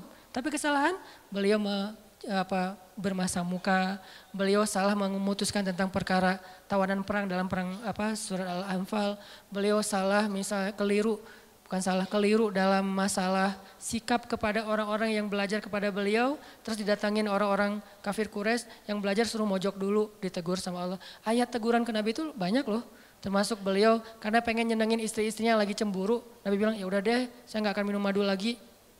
Kan baru pulang nih dari rumah salah satu istrinya, ketemu istri yang Aisyah. Aisyah nanya, dari mana aja sih kok lama banget datangnya? Itu dari rumah Sofia, ngapain sih di sana terus? Kan dia tuh maksudnya pendek gitu. Udahlah, makan apa sih? Dikasih apa sih sana? Emang e, makanannya enak banget ya? Enggak, enggak, enggak, cuma minum madu doang. Wah, enggak enak, pasti madunya enggak bener nih. Mulutnya enggak enak tuh. Akhirnya Nabi bilang, ya udah mulai sekarang saya enggak akan minum madu lagi. Demi menyenangkan Aisyah. Turun ayat. Wahai Nabi, kenapa kamu mengharamkan apa yang Allah halalkan demi menyenangkan istrimu? At-Tahrim. Yang paling soleh di muka bumi dan di dunia akhirat dan langit bumi nih, Nabi Muhammad. Tapi yang paling suci, malaikat. Di sini ketahuan, oh ternyata orang soleh juga bisa ngelakuin kesalahan. Kalau Nabi kesalahan, eh, kekeliruan, kalau kita kesalahan. Tapi dia langsung recovery, balik. Gak ada yang suci. Fala tuzakku amfusakum. Jangan kalian menganggap diri kalian su, suci. Tapi yang paling bejat adalah uh, iblis. Kemudian setan. Setan ini minal jinnati wanas ada jin ada manusia. Sehingga kita kalau bilang saya nggak takut neraka agak-agak klise menurut saya. Berarti sia-sia dong Allah ciptain neraka ternyata manusia nggak takut. Jadi kayak Allah udah banyak uh, apa fattakun nar itu perintah loh. Fattakun fa illam taf'alu wa la taf'alu fattakun nar. Apa arti kata fattakun nar? Takutlah kalian kepada neraka. Nar bahasa Arab. Naruka nerakamu. Jadi bahasa Indonesia neraka bahasa Arab yang diserap menjadi bahasa Indonesia. Fattakun nar. Fattakun nar allati uiddat lil kafirin. Yang disiapkan untuk orang yang kufur. Jadi kalau nggak takut neraka, Allah udah nakut-nakutin di Al-Quran. Seolah-olah kita bilang, eh nggak takut, nggak takut. Gitu kan ya? Gimana tuh sama Allah? Kan agak-agak aneh nih. Nggak takut, nggak takut. Dunia aja kita takut dengan hal-hal yang mengerikan. Gak usah yang yang benar ya, yang cuma halusinasi aja takut. Setan, hantu, gundurwo, yang gitu-gitulah. Gitu aja bisa bikin kita takut, padahal itu nggak nyata. Eh, nyata nggak sih? Saya belum pernah lihat alhamdulillah ya. Gak tahu kalau ngelihat Ustadz juga kan manusia. Artinya yang nggak nyata-nyata amat aja kita takut. Giliran yang nyata Allah sendiri suruh kita takut malah nggak takut kan agak klise nih. Pasti pola pikirnya nggak menyeluruh nih, belum lengkap, belum utuh. Surga, ah biasa aja nggak pengen surga. Seolah-olah kita ngeremehin surga itu nggak berharga. Surga itu kata Nabi adalah ala sil'atallahi ghaliyah. Ala sil'atallahi lil jannah. Harta Allah yang paling berharga itu adalah surga, bukan dunia. Dunia aja kita pengen, masa surga enggak? Padahal kata Allah, dunia ini enggak ada apa-apa dibandingkan surga. Klise lagi kan? Kita pengen surga dan Allah senang kita pengen surga. Kita takut neraka dan Allah senang kita takut neraka. Karena semua itu bagian dari yakin kita kepada Allah. Cuman jangan hanya di lisan, harus di hati. Kita, kenapa kamu sholat lima waktu? Kalau saya nggak sholat nanti azab kubur. Nggak apa-apa. Kenapa kamu sedekah? Karena pengen dapat pahala banyak. Gak apa-apa. Wah kalian mah gak ada yang tulus. Dan saya mah kalau sholat, sedekah segala macam bukan karena surga neraka. Saya sholat dan segala macam karena cinta sama Allah. Gak ada tolak belakangnya antara satu dengan yang lain. Cinta bagian dari iman, takut bagian dari iman, berharap bagian dari iman. Kan iman itu ada 60-an cabang. Termasuk malu, bagian dari iman. Sehingga gak perlu dibentur-benturin ambil yang sebagian, buang yang lain, enggak. Terus gimana nih? Orang beriman juga berderajat. Lahum darajatun. Ada yang imannya baru malu doang nih. Ada yang imannya udah malu plus takut. Ada yang imannya udah malu plus takut plus berharap. Ada yang iman malu, takut, berharap, cinta. Terus nambah-nambah. Karena darajatun. Manusia itu berderajat-derajat di antara orang yang beriman. Setelah Allah bilang ulaika humul mu'minuna haqqa, Allah bilang lahum darajatun. Mereka bertingkat ting tingkat. Jadi teman-teman coba kita bayangin bahwa Allah itu emang kangen sama kita. Allah tersenyum kepada hambanya. Dulu ada beberapa orang yang mungkin karena uh, uh, salah paham maksud saya, pernah men, dalam tanda petik tahzir lah ya. Dulu saya pernah mengalami masa-masa tahzir tapi dicuekin. Katanya Allah senyum. Apa anda waras? Allah kok senyum? Ada banyak hadis Allah tersenyum. Salah satu hadis Allah tersenyum itu hadis tentang doa safar kan? Ketika Ali bin Abi Thalib naik ke atas kendaraan bilang Allahu Akbar duduk di atas kendaraan mengatakan alhamdulillah. Ketika mau udah jalan baca subhanalladzi sakharana hadza. Kemudian di akhirnya Rabbi zalamtu nafsi zulman katsira fa innahu la yaghfiru dzunuba illa anta faghfirli fama yaghfiru dzunuba uh, fa, apa faghfirli maghfiratan min indika warhamni. Lalu setelah baca itu Ali tersenyum. Orang yang bawa onta atau kudanya Ali ngelihat, "Ya Ali, kenapa Anda tersenyum?" Kata Ali, karena saya melihat Rasulullah juga tersenyum dulu setelah membaca doa ini. Lalu saya tanya ke Rasul, kenapa Nabi tersenyum? Karena Nabi mengatakan, karena setelah membaca doa ini Allah tersenyum. Kapan Allah tersenyum? Ketika kita beristighfar. Jadi kalau kita beristighfar teman-teman, Allah senyum. Cuman gimana senyumnya Allah? Laisa kamitslihi syai. Allah nggak sama dengan makhluk. Cuman kita yakin Allah tersenyum. Gimana bentuk senyumnya nggak usah dibayang-bayangin. Allah senyumnya gini nggak ya? Nggak, nggak usah dibayang-bayangin. Allah senyumnya gini atau yang uh, flat tapi banyak kelihatan gigi gitu kan kayak emoticon gitu. Enggak lah, nggak usah dibayangin. Pokoknya senyum weh. Allah senyum artinya Allah senang. Termasuk kayak ada hambanya yang bertobat, Allah itu bahagia. Saking bahagianya lebih daripada orang yang ketika dapatin onta yang hilang, terus dia bilang Allah, anta abdi wa ana rabbuk. Ya Allah engkaulah hambaku dan aku Tuhanmu. Ngomongnya salah saking bahagia. Allah lebih bahagia dari orang itu terhadap orang yang bertobat. Berarti kan Allah emosional ya. Allah itu emosio, emosional, bahagia, marah, senang, cinta, tersenyum, emosional. Cuman emosi Allah itu maha sempurna, nggak seperti makhluk. Sehingga kita coba melibatkan emosi kita dalam berinteraksi dengan Allah. Jangan jangan flat lah. Masa kita katanya cinta tapi flat, hambar, kayak plain gitu, kayak jalan tol. Kan nggak enak ya? Pernah kenal ada orang yang flat? Sama teman misalnya flat banget tuh. Gak ada ekspresinya, kita kasih hadiah, ya makasih. Eh, gak ada ekspresinya nih orang. Terus kalau ada masalah, dia ada masalah, gak ada masalah, ya gitu mukanya tuh. Nyebelin, kayak muka saya. Kenapa ada orang kalau ketemu saya di awal-awal tuh kayak sebel gitu? Karena mungkin muka saya tuh kayak bakatnya nyebelin. Tapi kalau udah kenal enggak lah, ya. Makin nyebelin. Ini ada orang flat banget nih. Flat banget. Dia kasih hadiah biasa aja, dapat masalah diledekin juga dia biasa aja.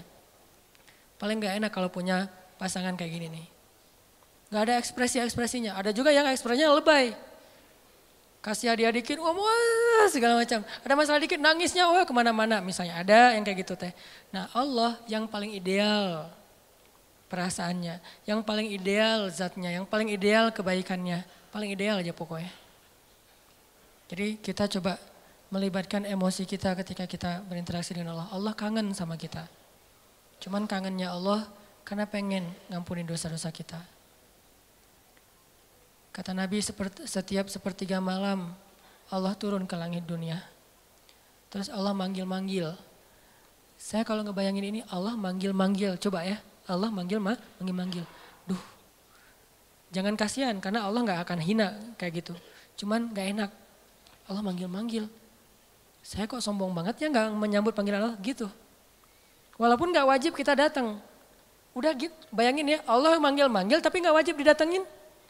Allah manggil-manggil, Allah telepon nggak wajib diangkat. Kan Allah baik banget kan? Harusnya kan Allah kalau Allah manggil harus datang ya. Kayak sholat lima waktu misalnya Allah panggil, boleh kita misalnya nggak datang segera, walaupun nggak baik. Yang paling baik itu datangnya segera di tempat e, panggilan itu dikumandangkan. Tapi kalau nggak datang segera juga nggak sampai dosa. Cuman kehilangan banyak kebaikan lah. Walaupun sebagian mazhab mengatakan dosa, tapi saya cenderung kepada mazhab yang mengatakan bukan dosa, sunnah muakkadah. Tapi kalau keseringan nggak nggak datang, e, diragukan keimanannya, agak-agak mirip munafik nih. Kalau sering nggak ada nggak datang. Allah tuh toleran banget. Hayya salah. Kita lagi sibuk kerjaan nih, nggak datang. Allah nggak marah sama kita. Nggak sholat aja, sebetulnya Allah marah, cuman sabar. Allah selain jabar, kohar, tapi juga sabur. Ya, kan ideal banget nih. Kalau Allah marah bisa, nggak ada yang bisa ngehalangin, tapi Allah sabar. Kalau kita sabar karena nggak bisa marah. Seringnya kan kita sabar tuh karena nggak bisa marah. Begitu bisa marah nggak ada sabarnya. Kalau Allah sabar padahal bisa marah. Selain jabar, kohar, apalagi sifat-sifat yang keras nih. Muntakim, tapi di sisi lain sifat jamal. Makanya ada sifat jamal, ada sifat kamal. Sifat jamalnya Allah apa? Karim, Rahim, Sabur, Ghafur, gitu-gitu kan? Ini artinya teman-teman, bayangin ya, Allah manggil-manggil kita sepertiga malam. Ngapain sih Allah sepertiga malam repot amat sih datang-datangin kita? Tapi kita nggak wajib datang. Tapi kalau kita datang, Allah sayang banget sama kita. Cuman dari kitanya nih, bukan angle Allah. Kalau angle Allah kita nggak wajib datang. Tapi angle kita, enak gak sih kalau nggak datang? Enak gak sih Allah udah manggil-manggil tiap malam terus kita nggak bangkit? Kalau kalau kita bangunnya telat, pas azan subuh baru bangun, ngerasa nggak sih? Aduh Allah maaf ya, bangunnya telat. Gitu nggak sih ke Allah? Karena kita kalau ke makhluk gitu banget loh. Di telepon ternyata miss call 10 kali nggak diangkat, langsung maaf ya emoticon, oh, segala macam. Minta maaf tuh rasa apa tangan diginiin tuh banyak sampai 10 juga. Kok kita ke makhluk gitu ke Allah enggak? Padahal makhluk itu nggak terlalu berjasa sama kita. Dan Allah mah berjasa dari sejak kita dalam kandungan ibu kita. Bahkan sebelum kita diciptakan. Tapi kita nggak pas bangkit dari tidur. Duh Allah maaf ya saya bangunnya telat astagfirullah gimana nih. Langsung wudhu datang ke masjid minta ampun kepada Allah. Padahal kita nggak wajib datang. Ini lebih ke ngomongin emosional. Saya nggak ngomongin hukum fikih. Kalau ngomongin hukum fikih agak-agak kaku sih. Makanya di atas hukum itu ada akhlak namanya. Di atas hukum ada akhlak. Orang kalau udah akhlaknya bagus, hukum ini jadi nggak terlalu penting. Mudah ngamalin hukum tuh kalau akhlak moralnya udah kayak orang disiplin. Kan nggak perlu timer lagi kan. Udah disiplin, nggak perlu lagi ketat.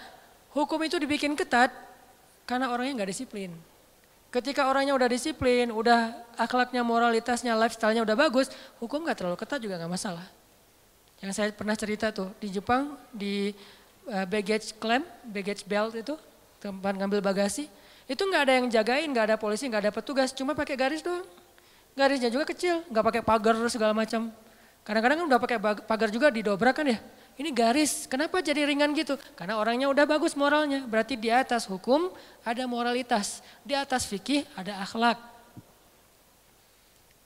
Apa moral itu, akhlak itu di atas il, ilmu. Orang punya ilmu tapi nggak berakhlak agak kurang pas. Sehingga nih nih bedanya hukum fikih sama akhlak nih. Anjing hukum fikihnya apa? Anjing hukum fikihnya bukan haram, najis makan anjing hukum fikihnya haram.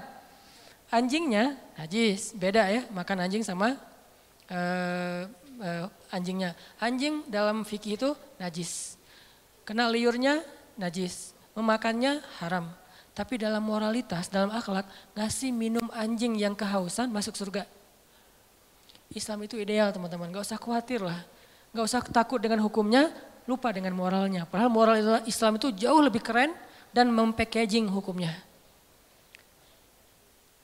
Anjing itu najis, kita nggak boleh kena liurnya, walaupun boleh memelihara anjing untuk berburu, misalnya untuk penjaga, bukan untuk sekedar lucu-lucuan ya. Karena dulu mungkin nggak ada anjing kayak apa yang lucu-lucu kayak sekarang kan ya. E, di salon gitu kan ya, biaya anjing aja. Kalau di New Zealand kata teman saya tuh kucing aja di sana tuh pakai sertifikat. Kalau ada orang pernah ada kasus dia pergi keluar kota, lupa nggak laporan, kucingnya tinggal di dalam rumah dan nggak dikasih makan, itu kucing diambil alih oleh negara dan orangnya kena denda. Islam banget kan ya? Islami banget kan? Kan ada hadis Nabi yang bilang yang perempuan yang dilihat di dalam neraka gara-gara membiarin kucingnya meninggal nggak dikasih makan, ditinggalin beberapa hari keluar kota. Nggak tahu dia lagi traveling ke mana gitu si cewek itu teh. Itu kan terjadi kan ya? Nah anjing najis, anjing haram. Tapi ngasih minum anjing yang kehausan, itu masuk surga. Yang ngasih minumnya siapa? Bukan orang soleh. Kalau orang soleh, ah itu mah amal pelengkap. Bukan, orang yang baru bertobat dari dosa zina. Bukan pezina ya. Karena orang kadang-kadang suka jadi modus tuh. Tuh pezina aja masuk surga. Mana ada pezina masuk surga? Yang ada orang yang bertobat dari zina masuk surga. Orang yang bertobat dari membunuh masuk surga. Nggak ada pembunuh masuk surga, nggak ada itu. Kalau gitu buat apa kita beramal soleh kalau semua juga masuk surga, nggak ada keadilan tuh. Allah kok menciptakan neraka sih? Katanya pengasih penyayang. Kok ada neraka? Surga neraka adalah bentuk keadilan. Karena tanpa surga neraka tidak ada nilainya kebaikan. Ngapain kita harus jadi orang baik? Toh nggak akan dibalas juga sama Allah. Ngapain kita takut berbuat dosa? Kan nggak akan diazab juga sama Allah. Maka ke mana larinya para pembunuh? Ke mana larinya para begal? Ke mana larinya orang-orang yang menzalimi orang lain? Terus di mana hak para korban? Kalau tidak ada surga neraka. Tapi kalau sudah diadili di dunia dengan cara-cara yang Allah ridhoi, selesai nggak ada urusan lagi dengan surga neraka. Misalnya pembunuh dikisos, maka dia masuk surga.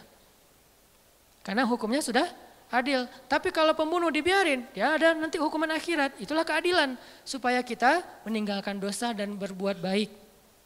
Ya kalau katanya Rahman Rahim tapi ciptain neraka. Ini agak-agak belum sempurna nih pola berpikirnya nih. Makanya Islam itu butuh pola fi, pola pikir Al-Quran itu melatih cara berpikir kita. Kalau udah terbiasa kayak gini nih, malam ini yang sesi kedua agak-agak saya beratin nih. Materi lebih kepada angle berpikir, persepsi. Supaya kita sebagai anak muda saya yakin ini karena jamaah anak muda sanggup. Kalau jamaahnya udah usia sekian, mungkin saya nggak akan ngomongin pola pikir. Lebih kepada ngomongin masalah uh, apa sakaratul maut atau apalah. Walaupun kan kematian sama aja lah ya, semua orang juga rahasia. Tapi biasanya mah kan gitu kan ya. Kenapa di kampung sering ada tahlilan? Berarti di kampung lebih banyak orang meninggal. Karena di kampung yang tersisa orang-orang tua. Di kota kenapa jarang tahlilan? Karena masih muda-muda. Saya tinggalnya di kampung loh. Satu tinggal di kampung, satu tinggal di kota. Ya gitu aja, gak usah dijelasin. Kenapa saya milih kampung? Memang kita senang suasana di rumah saya kan belakang tuh ada kayak backyard gitu kan, ada kayak kebun kecil. Terus kita kalau sholat uh, duha, kalau ngomong tahajud kan ria ya, duha aja lah yang semua orang juga bisa. Duha itu di kebun, karena salah satu hobinya Abdullah bin istri eh, suaminya Asma bin Abu Bakar siapa?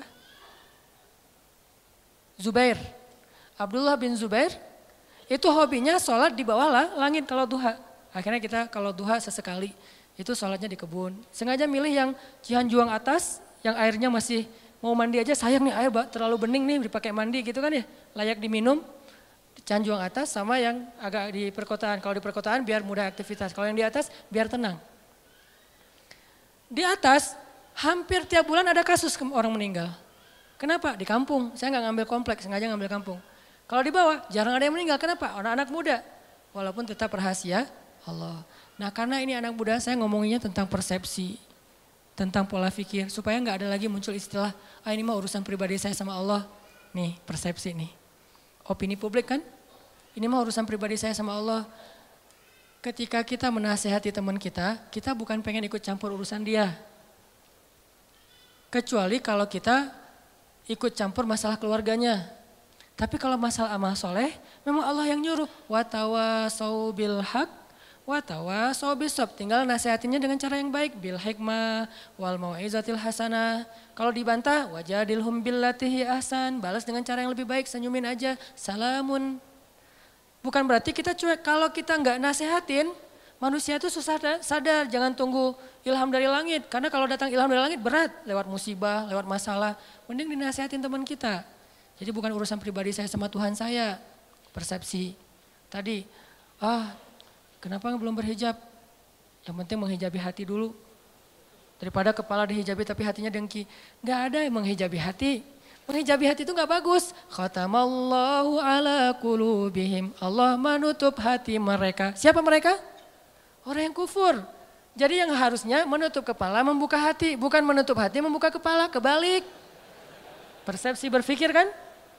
Makanya kenapa saya bilang Al-Quran itu nyuruh kita berpikir. Jangan disuruh tutup hatinya. Yang ada alam nashrah laka sadrak. Dilapangkan, dibuka dadanya biar dapat hidayah. Tapi kepala ditutup semampunya. Belajar mungkin awalnya cuma diikat doang. Lama-lama diikatnya di sini. Lama-lama diikat dililit-lilit. Lama-lama diginiin. Lama-lama naik makin tinggi gitu kan ya. Terserah itu mas Stella ya. Saya nggak tahu lah fikihnya. Tanya aja sama Ustaz Abdul Somad. Yang jelas bertahap. Yang pasti nih bukan nutup hati buka kepala. Tapi tutup kepala buka ha? hati. Kalau ada orang yang berhijab tapi masih buat dosa, jangan salahkan hijabnya, salahkan orangnya. Ada orang yang sholat tapi korupsi, jangan salah, salahkan sholatnya, salahkan orang yang korupsinya. Dan jangan bilang gini, ah mending saya nggak sholat dan nggak korupsi.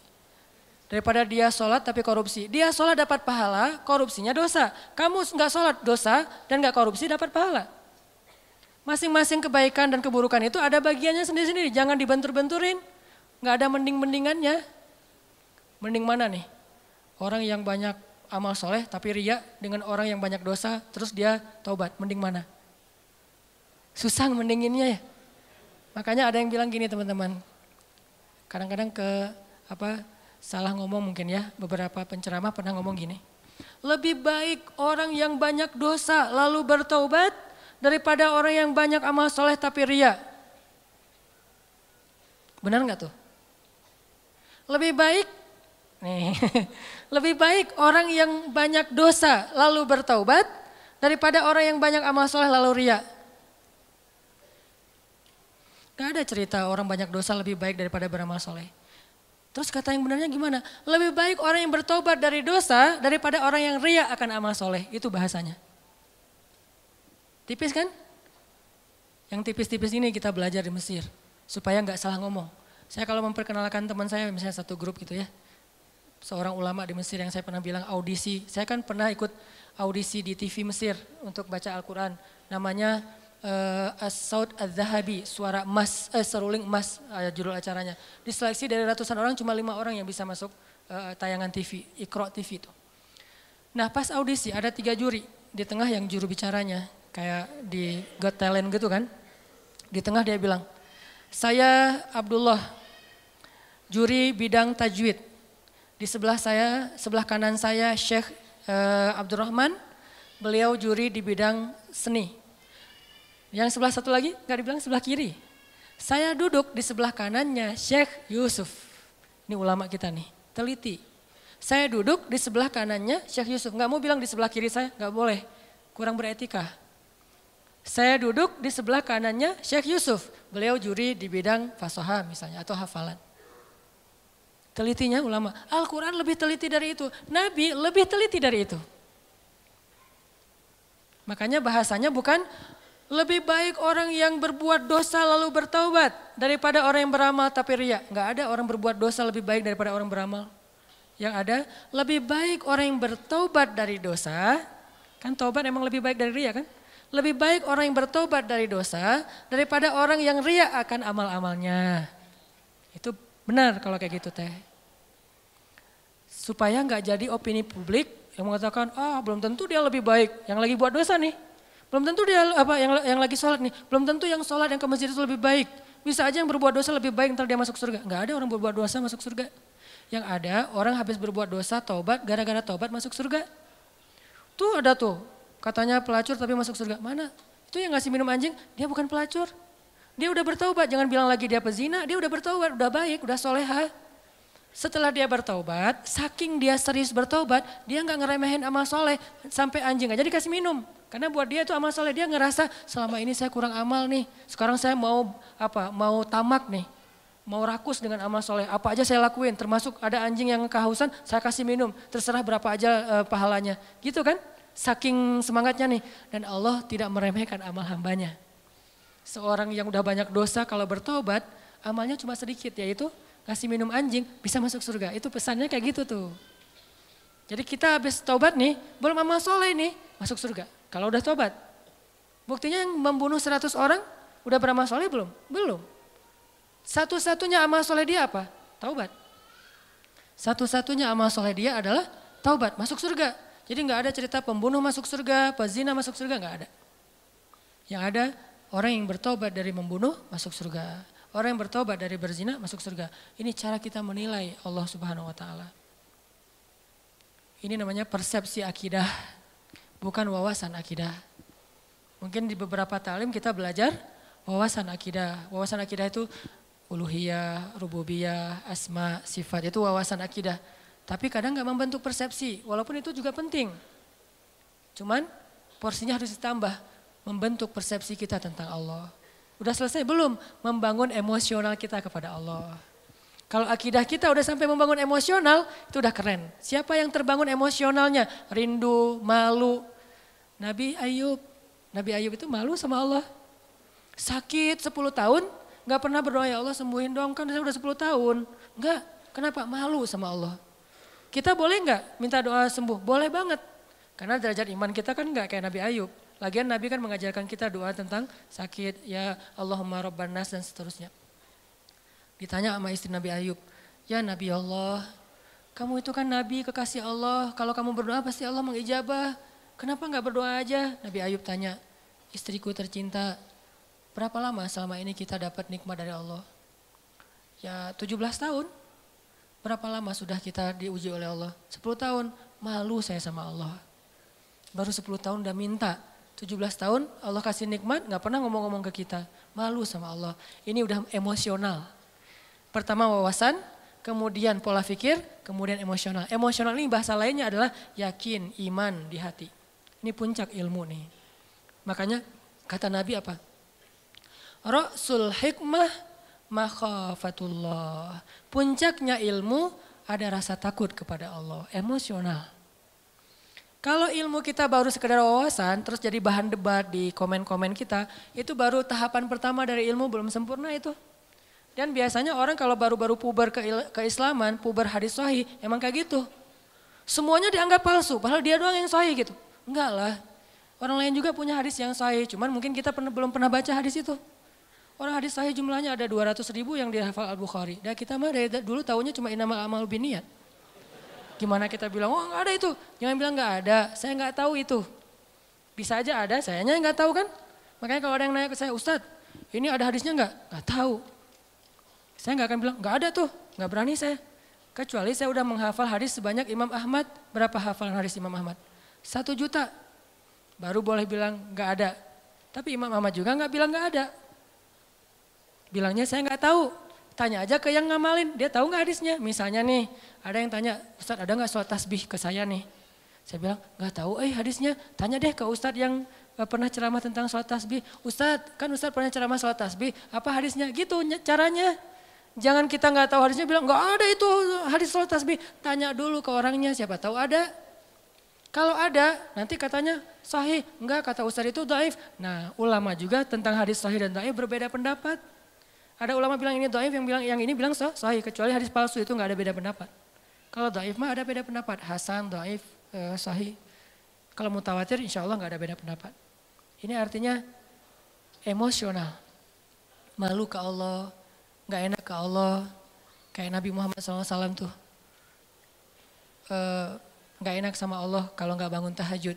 Sampai sholatnya getol banget. Sampai apa ya, eh, kelihatan kakinya itu udah keras gara-gara sering tahiyat. Ini beliau hitam gara-gara sering sujud. Makanya saya nutup nggak mau ria. Nggak ada juga. Nah ini Nabi segitu-gitu amat tuh sholatnya. Ditanya sama istrinya. Dalam riwayat yang lain ditanya sama Abdullah bin Mas'ud. Kenapa gitu-gitu amat? Saya pengen bersyukur kepada Allah. Maksudnya gak enak sama Allah dari kasih nikmat banyak. Masih ibadahnya biasa-biasa aja gitu. Wawasan, persepsi, emosional. Kalau kita udah sampai punya rindu ke Allah, udah kuat nih, udah level 3. Kalau baru sekedar faham Allah, level 2. Kalau cuma tahu Allah, level 1. Kalau enggak sama sekali, ini bermasalah nih. Yuk kita belajar kalau gitu. Kadang-kadang enggak level 1, dia enggak terlalu tahu tentang Allah, tapi langsung punya emosional. Ada yang kayak gitu, kayak Bilal tuh. Bilal tuh enggak ngerti ayat-ayat tentang tauhid secara detail kayak Ibnu Abbas, tapi dia langsung yakin sama Allah, ada yang kayak gitu. Makanya tempatnya ilmu di dalam hati.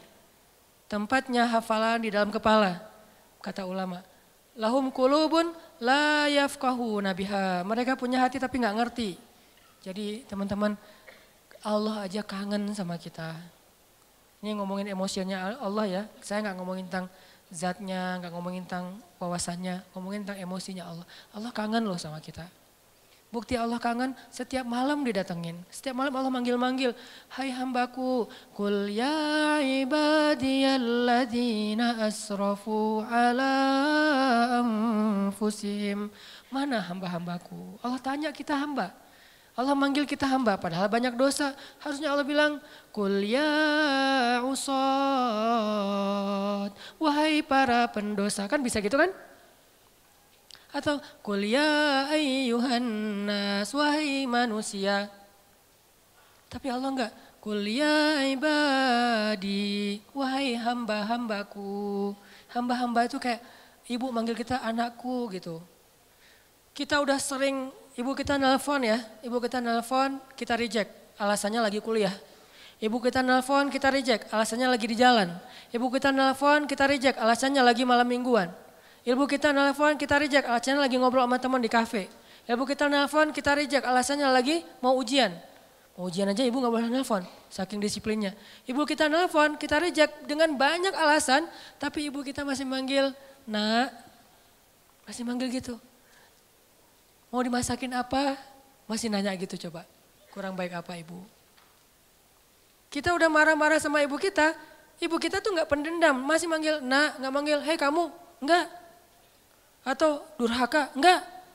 Ibu kita masih memanggil kalimat yang kasih sayang. Dan itulah Allah subhanahu wa ta'ala. Dirijak berkali-kali, dikhianati berkali-kali, ditinggalkan berkali-kali, diduakan, diselengkuhin tuh sering. kita sering nyelingkuhin Allah sebetulnya. Apa nyelingkuhnya? Kita kan suka bilang inna solati wa nusuki wa mahyaya wa mamati lillahi rabbil alamin. Kan itu gombal banget kan? Sesungguhnya sholat saya, kurban saya, sholati wa nusuki, hidup saya, mati saya, semuanya untuk Allah subhanahu wa ta'ala. Semuanya untuk kamu, iya kamu gitu kan.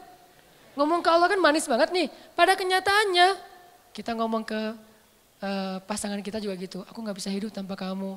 Allah ngelihat, duh, oi. gitu kan ya.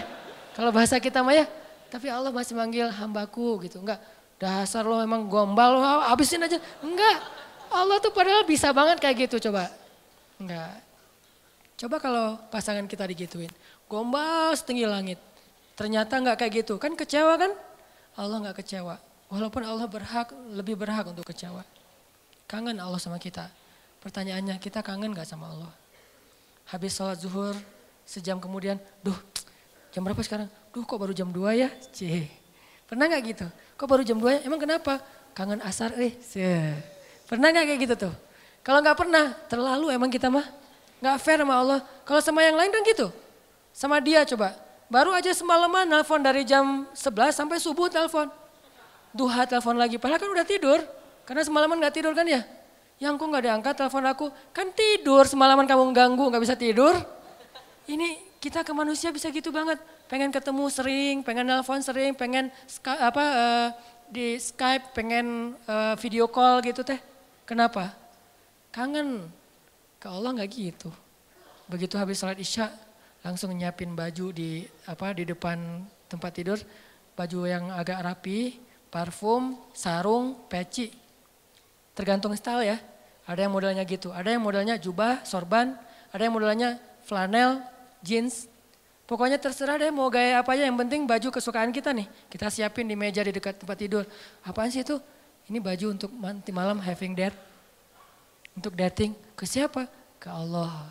Pernah nggak kayak gitu? Saya juga belum. ini lagi menasehati diri sendiri nih ya. Nggak gitu-gitu amat. Kita bangun malam tuh karena kaget sama suara klakson mungkin atau suara anjing di depan rumah atau suara siapa. Justru yang paling cepat bikin kita bangun tuh miss call dari dia karena ringtone-nya tuh beda.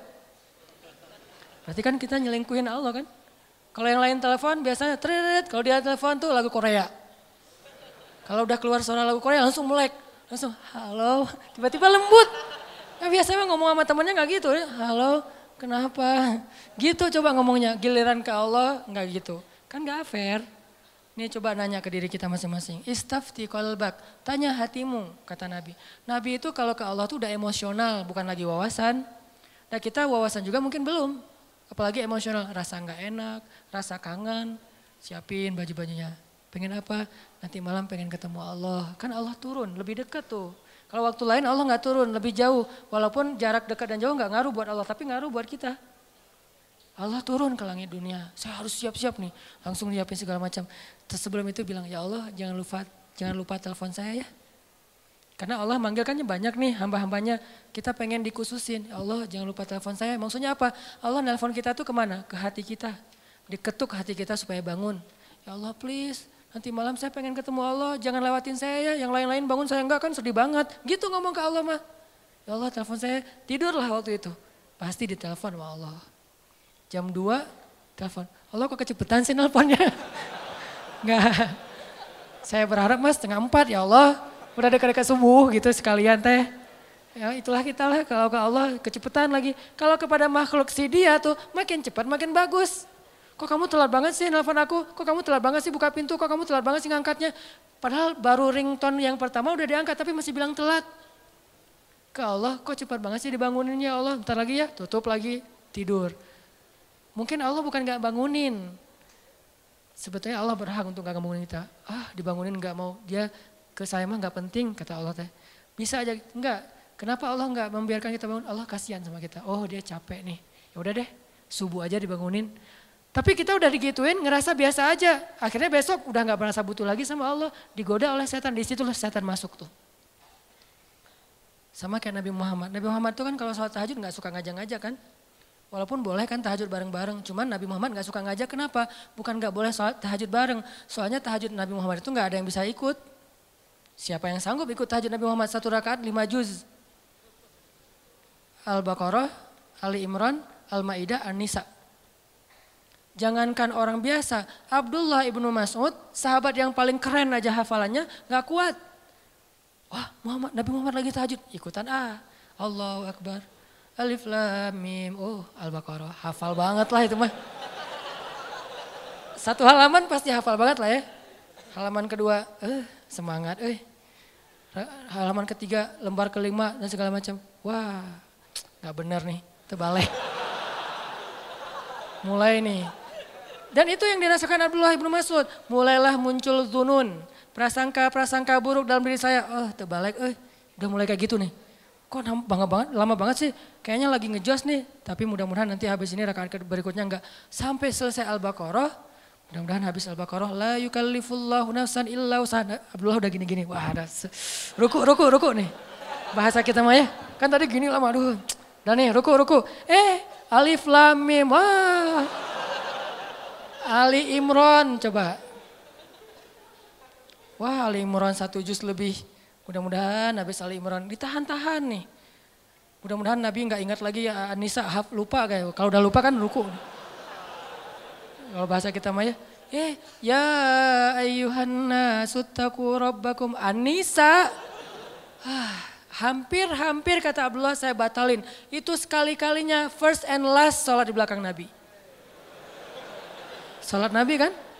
Makanya Nabi itu nggak mau ngajak-ngajak tahajud, bukannya nggak boleh bareng-bareng. Nabi tahu diri lah, cih tahu diri. Kalau kita tahu diri nggak ngajak-ngajak, soalnya tahajudnya mepet-mepet ke azan subuh. Tahajud dua rakaat, witir satu rakaat. Kalau enggak sekalian aja witir udah disatuin dengan tahajud satu rakaat, sholat tahajud. Saya sering sholat tahajud satu rakaat, witir doang. Kenapa? Karena pas lihat jam 4, jam 4 5, lewat 5 azan, ya udah witir aja deh. Saking gak solehnya. Nabi Saking solehnya nggak berani ngajak orang. Ini juga kedewasaan Nabi nih. Beliau kalau ngasih nyontoh, kasih contoh yang bisa ditiru. Kalau melakukan yang nggak bisa ditiru, nggak mau nyontohin ke orang lain. Kalau kita kebalik, giliran dilihat orang lain yang nggak bisa ditiru. Giliran sendiri, yang orang lain semua bisa ngelakuin, lakuin juga. Eh, artinya kita tuh kurang bijak, pamer. Nabi kalau sholat sunnah beliah di rumahnya empat rakaat. Kalau di masjid dua rakaat. Supaya bisa ditiru. Ketika ditanya kok gitu Nabi, likaila yakuna harajan li ummati, supaya nggak ngeberatin kalian. Coba. Ini emosional Nabi nih. Bahasa fikihnya rotun Nabi. Kan Nabi itu ada surah, sirah, sariroh ya. Surah, jenggot, rambut segini, itu rambut 2017 banget lah pokoknya. Rambut zaman now. Terus uh, jubahan, Terus sorbannya Nabi itu kan kalau di ini satu di depan, satu ke belakang kan ujungnya itu surah. Kalau sirah kehidupan sehari-hari Nabi, sikap-sikap Nabi. Nah yang jarang dibahas itu teman-teman sariro, perasaan Nabi. Nabi itu nggak mau ngeberatin kita. Kalau ngasih contoh yang bisa kalian tiru aja deh. Makanya Nabi kalau tahajud nggak pernah ngajak Aisyah. Aisyah tidur, Nabi uh, ke, ke kamar mandi, wudhu, udah gitu sholat. Sholatnya di mana? Di sebelah Aisyah. Kenapa? Nabi tahu Aisyah itu kalau malam suka raba-raba nyari Nabi. Kalau nggak kepegang Nabi dia bangun. Nabi nggak pengen ngebangunin Aisyah coba. Kalau kita istri yang soleh kok belum bangun? Cia. Masih mending. Aduh ya Allah pengen banget istri kayak Khadijah bukan kayak gini. Lebih fatal lagi. Aisyah aja nggak dibangunin sama Nabi. Jadi kalau nanti udah punya ya, maaf kalau belum punya nggak bisa diperhatikan. Kalau udah punya, kalau udah punya jangan bangun-bangunin. Saya juga nggak pernah nggak bangunin istri, soalnya nggak bangun juga. Nabi mah nggak pernah bangunin istri kecuali emang dalam kondisi Aisyah waktu itu nggak capek. Nabi perhatiin banget, hari ini Aisyah ngapain. Oh kita kan nggak peduli. Tahajud mah, tahajud. Mama kan udah sering ikut talim, masa nggak bisa tahajud? Ya udah sering talim, tapi capek siangnya dia ngurus anak, dia nyuci, dia segala macam, dia jagain ke apa e, harta kita, rumah kita, keluarga kita, dia mundar mandir ke pasar. Mungkin tadi pergi ke pasar beli cabai lupa, beli garam lupa, lanjut lagi. Kita harus tahu, oh seharian Aisyah capek, ya udah malamnya saya tahajud sendiri. Begitu witir baru Aisyah dibangunin. Adegan pakai nano spray itu adegan witir, bukan adegan tahajud. Aisyah Hmm gitu-gitu. Oh ya udah. Aisyah masih apaan sih kalau bahasa kita Kak Aisyah tuh raba-raba kalau lagi malam. Nabi mana? Karena dekapan Nabi itu kan paling hangat ya. Karena dia mendekap bukan dengan fisiknya doang, dengan hatinya. Pokoknya udah hangat banget lah dekapan Nabi. Cowok paling romantis se-Eropa itu Rasulullah SAW lah. Kalau kita mau tahu gimana romantisnya Nabi, saya udah lagi nggak mood bahas romantis-romantisan ya. Satu saat aja. Tapi bukan saya nih yang romantis ya, Nabi. Saya mah cuma belajar-belajar dikit. Nabi itu paling hangat. Nabi pegang tangan istrinya biasa. Kita mau megang, ah kursi aja lah. Nggak ada calonnya nih. Masa mau dipegang, siapa dipegang? Pasti pegang calon mertua. Apa-apaan lo? Astagfirullah. Kan bahaya tuh. Masa megang tangan calon mertua yang kekar gitu. Bahaya. Nabi Aisyah apa witir, witir. Karena pas Nabi lagi sholat, Nabi itu sholat kakinya itu di sebelah Aisyah. Dan Aisyah tuh nyari-nyari jempol Nabi. Itu juga dalil bagi sebagian mazhab ya, enggak semuanya. Bahwa menyentuh istri tidak batal wudhu. Sebagian lain mengatakan beda. Allah alam bab fikihnya.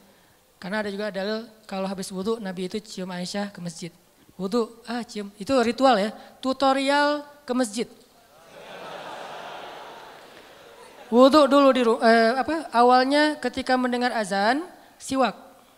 Siwak mah boleh pakai kayu siwak, boleh pakai gosok gigi terserah yang penting bersihin mulut. Siwak, udah gitu berwudhu, udah gitu pakai pakaian yang bagus, parfum, cium istri. Makanya nggak bisa ngamalin sunnah kalau belum susah, susah. Banyak yang nggak bisa diamalin. Garing kan, parfum segala macam, langsung ke masjid garing ah Harusnya parfum, ada sesuatu. Setelah, jadi jangan ngelangkahin sunnah dong. Run, apa runtutannya harus rapi. Siwak, wudhu, pakai baju yang bagus, parfuman. Nah. Bagian apa? Terserah. Mau di pipi, mau di jidat. Ya itu aja lah dua. pipi atau jidat, udah dan kecupan itu penuh kasih sayang. Istri juga pasti gituin, itu kayak mentransfer amal soleh ya, mentransfer apa kebaikan. Istri langsung pasti gituin, oh iya ya sholat. Jadi jangan bilang, mah sholat, enggak. Wudhu, parfum, cium, oh tanda udah waktunya sholat. Kan keren banget ya alarmnya ya. Jangan pakai alarm, mah sholat, mah udah azan. Jangan, enggak keren, terlalu mainstream. Alarm sholat dari suami ke istri itu adalah kecupan. Kalau di kantor gimana Ustaz? Kirim aja emoticon kecupan. Jadi kalau udah jam 12 muncul tuh emoticon kecupan, oh waktu sholat. Kan keren ya? Sunnah banget lah itu. Makanya ngelihat sunnah tuh dari angle kekinian. Biar lebih bisa praktekinnya agak-agak nyaman gitu. Ini ternyata, tadi ngomong kenapa jadi ke sini? Susah dibendung eh. Intinya mah uh, ada sariro. Nabi itu perasaannya luar biasa. Makanya Nabi pas lagi sholat jempolnya di dekat Aisyah. Aisyah tidur kan tidurnya mereka di bawah ya. Kayak orang Jepang gitu. nggak pakai spring bed segala macam. Di bawah tidurnya karena memang sederhana. Aisyah pas lagi tidur cari-cari jempol Nabi. Oh ada jempolnya. Nabi sholat. Kalau kita pas dijempolin gitu. Sok-sok khusyuk gitu. nggak boleh disentuh makhluk. Ini saya lagi menghadap Allah. Makhluk minggir. Allahu Akbar. Nggak gitu-gitu amat lah, sholat mah. Sholat juga tetap romantis. Sholat jempolnya dipegangin. Itu sholat romantis tuh teh. Jangan mentang-mentang udah sholat jadi kaku. Makanya orang kalau beragama jangan jadi kaku. Justru harusnya jadi rahmah. Makin ngerti agama makin rahmah. Jangan makin ngerti agama makin kaku, makin strike. Jangan, kebalik. Kenapa ada kesan orang makin belajar ilmu agama makin gampang galak? Berarti kita nggak belajar roh Nabi, perasaan Nabi. Cuman belajar siroh atau surah mungkin. Harusnya makin belajar agama, makin ngademin. Disentuh eh, apa jempolnya, biarin aja. Sujud. Pas sujud didatengin cucunya atau anaknya naik ke atas pundak Nabi. Nabi sujudnya dilama-lamain. Kenapa? Gak mau ganggu anak kecil yang lagi main di atas pundak beliau. Coba. Ternyata dalam ibadah juga ada akhlak. Jangan berpikir ketika beribadah akhlaknya dibuang. Enggak. Dalam ibadah aja pakai akhlak. Apakah kalau kayak gitu kita menduakan Allah? Enggak, Allah senang dengan hamba yang kayak gitu. Allah tuh enggak egois. Yang kalau menghadap Allah makhluk minggir. Enggak. Dilama-lamain nama Nabi. Kenapa? Cucunya masih main atau anaknya masih main. Begitu anaknya turun baru Allahu Akbar. Sampai saking lamanya sahabat jadi nanya, nanya ke Nabi. Walaupun enggak ada yang noong gitu. Apaan sih Nabi? Enggak. Kan kadang kalau kalau kita mah kelamaan jangan-jangan imamnya meninggal nih, enggak. kan ada yang meninggalnya husnul khotimah gitu kan. Lagi sholat husnul khotimah meninggal. Ini imam soleh banget sih meninggal lagi sholat. Ini gimana dengan kita nih? Enggak, mereka husnuzon. Cuman agak penasaran, kepo gitu. Kenapa Nabi sholatnya lama banget ya sujudnya? Pas sudah selesai sholat nanya, ya Rasulullah kenapa lama banget sujudnya? Tadi anak-anak saya itu naik ke atas, cucu saya itu naik ke atas pundak dan saya tidak ingin mengganggu mereka. Kita, begitu anak naik ke atas pundak, ya Allah ujian nih makhluk nih. Mana akhlak? Jangan gitu sama anak-anak kita, biarin aja.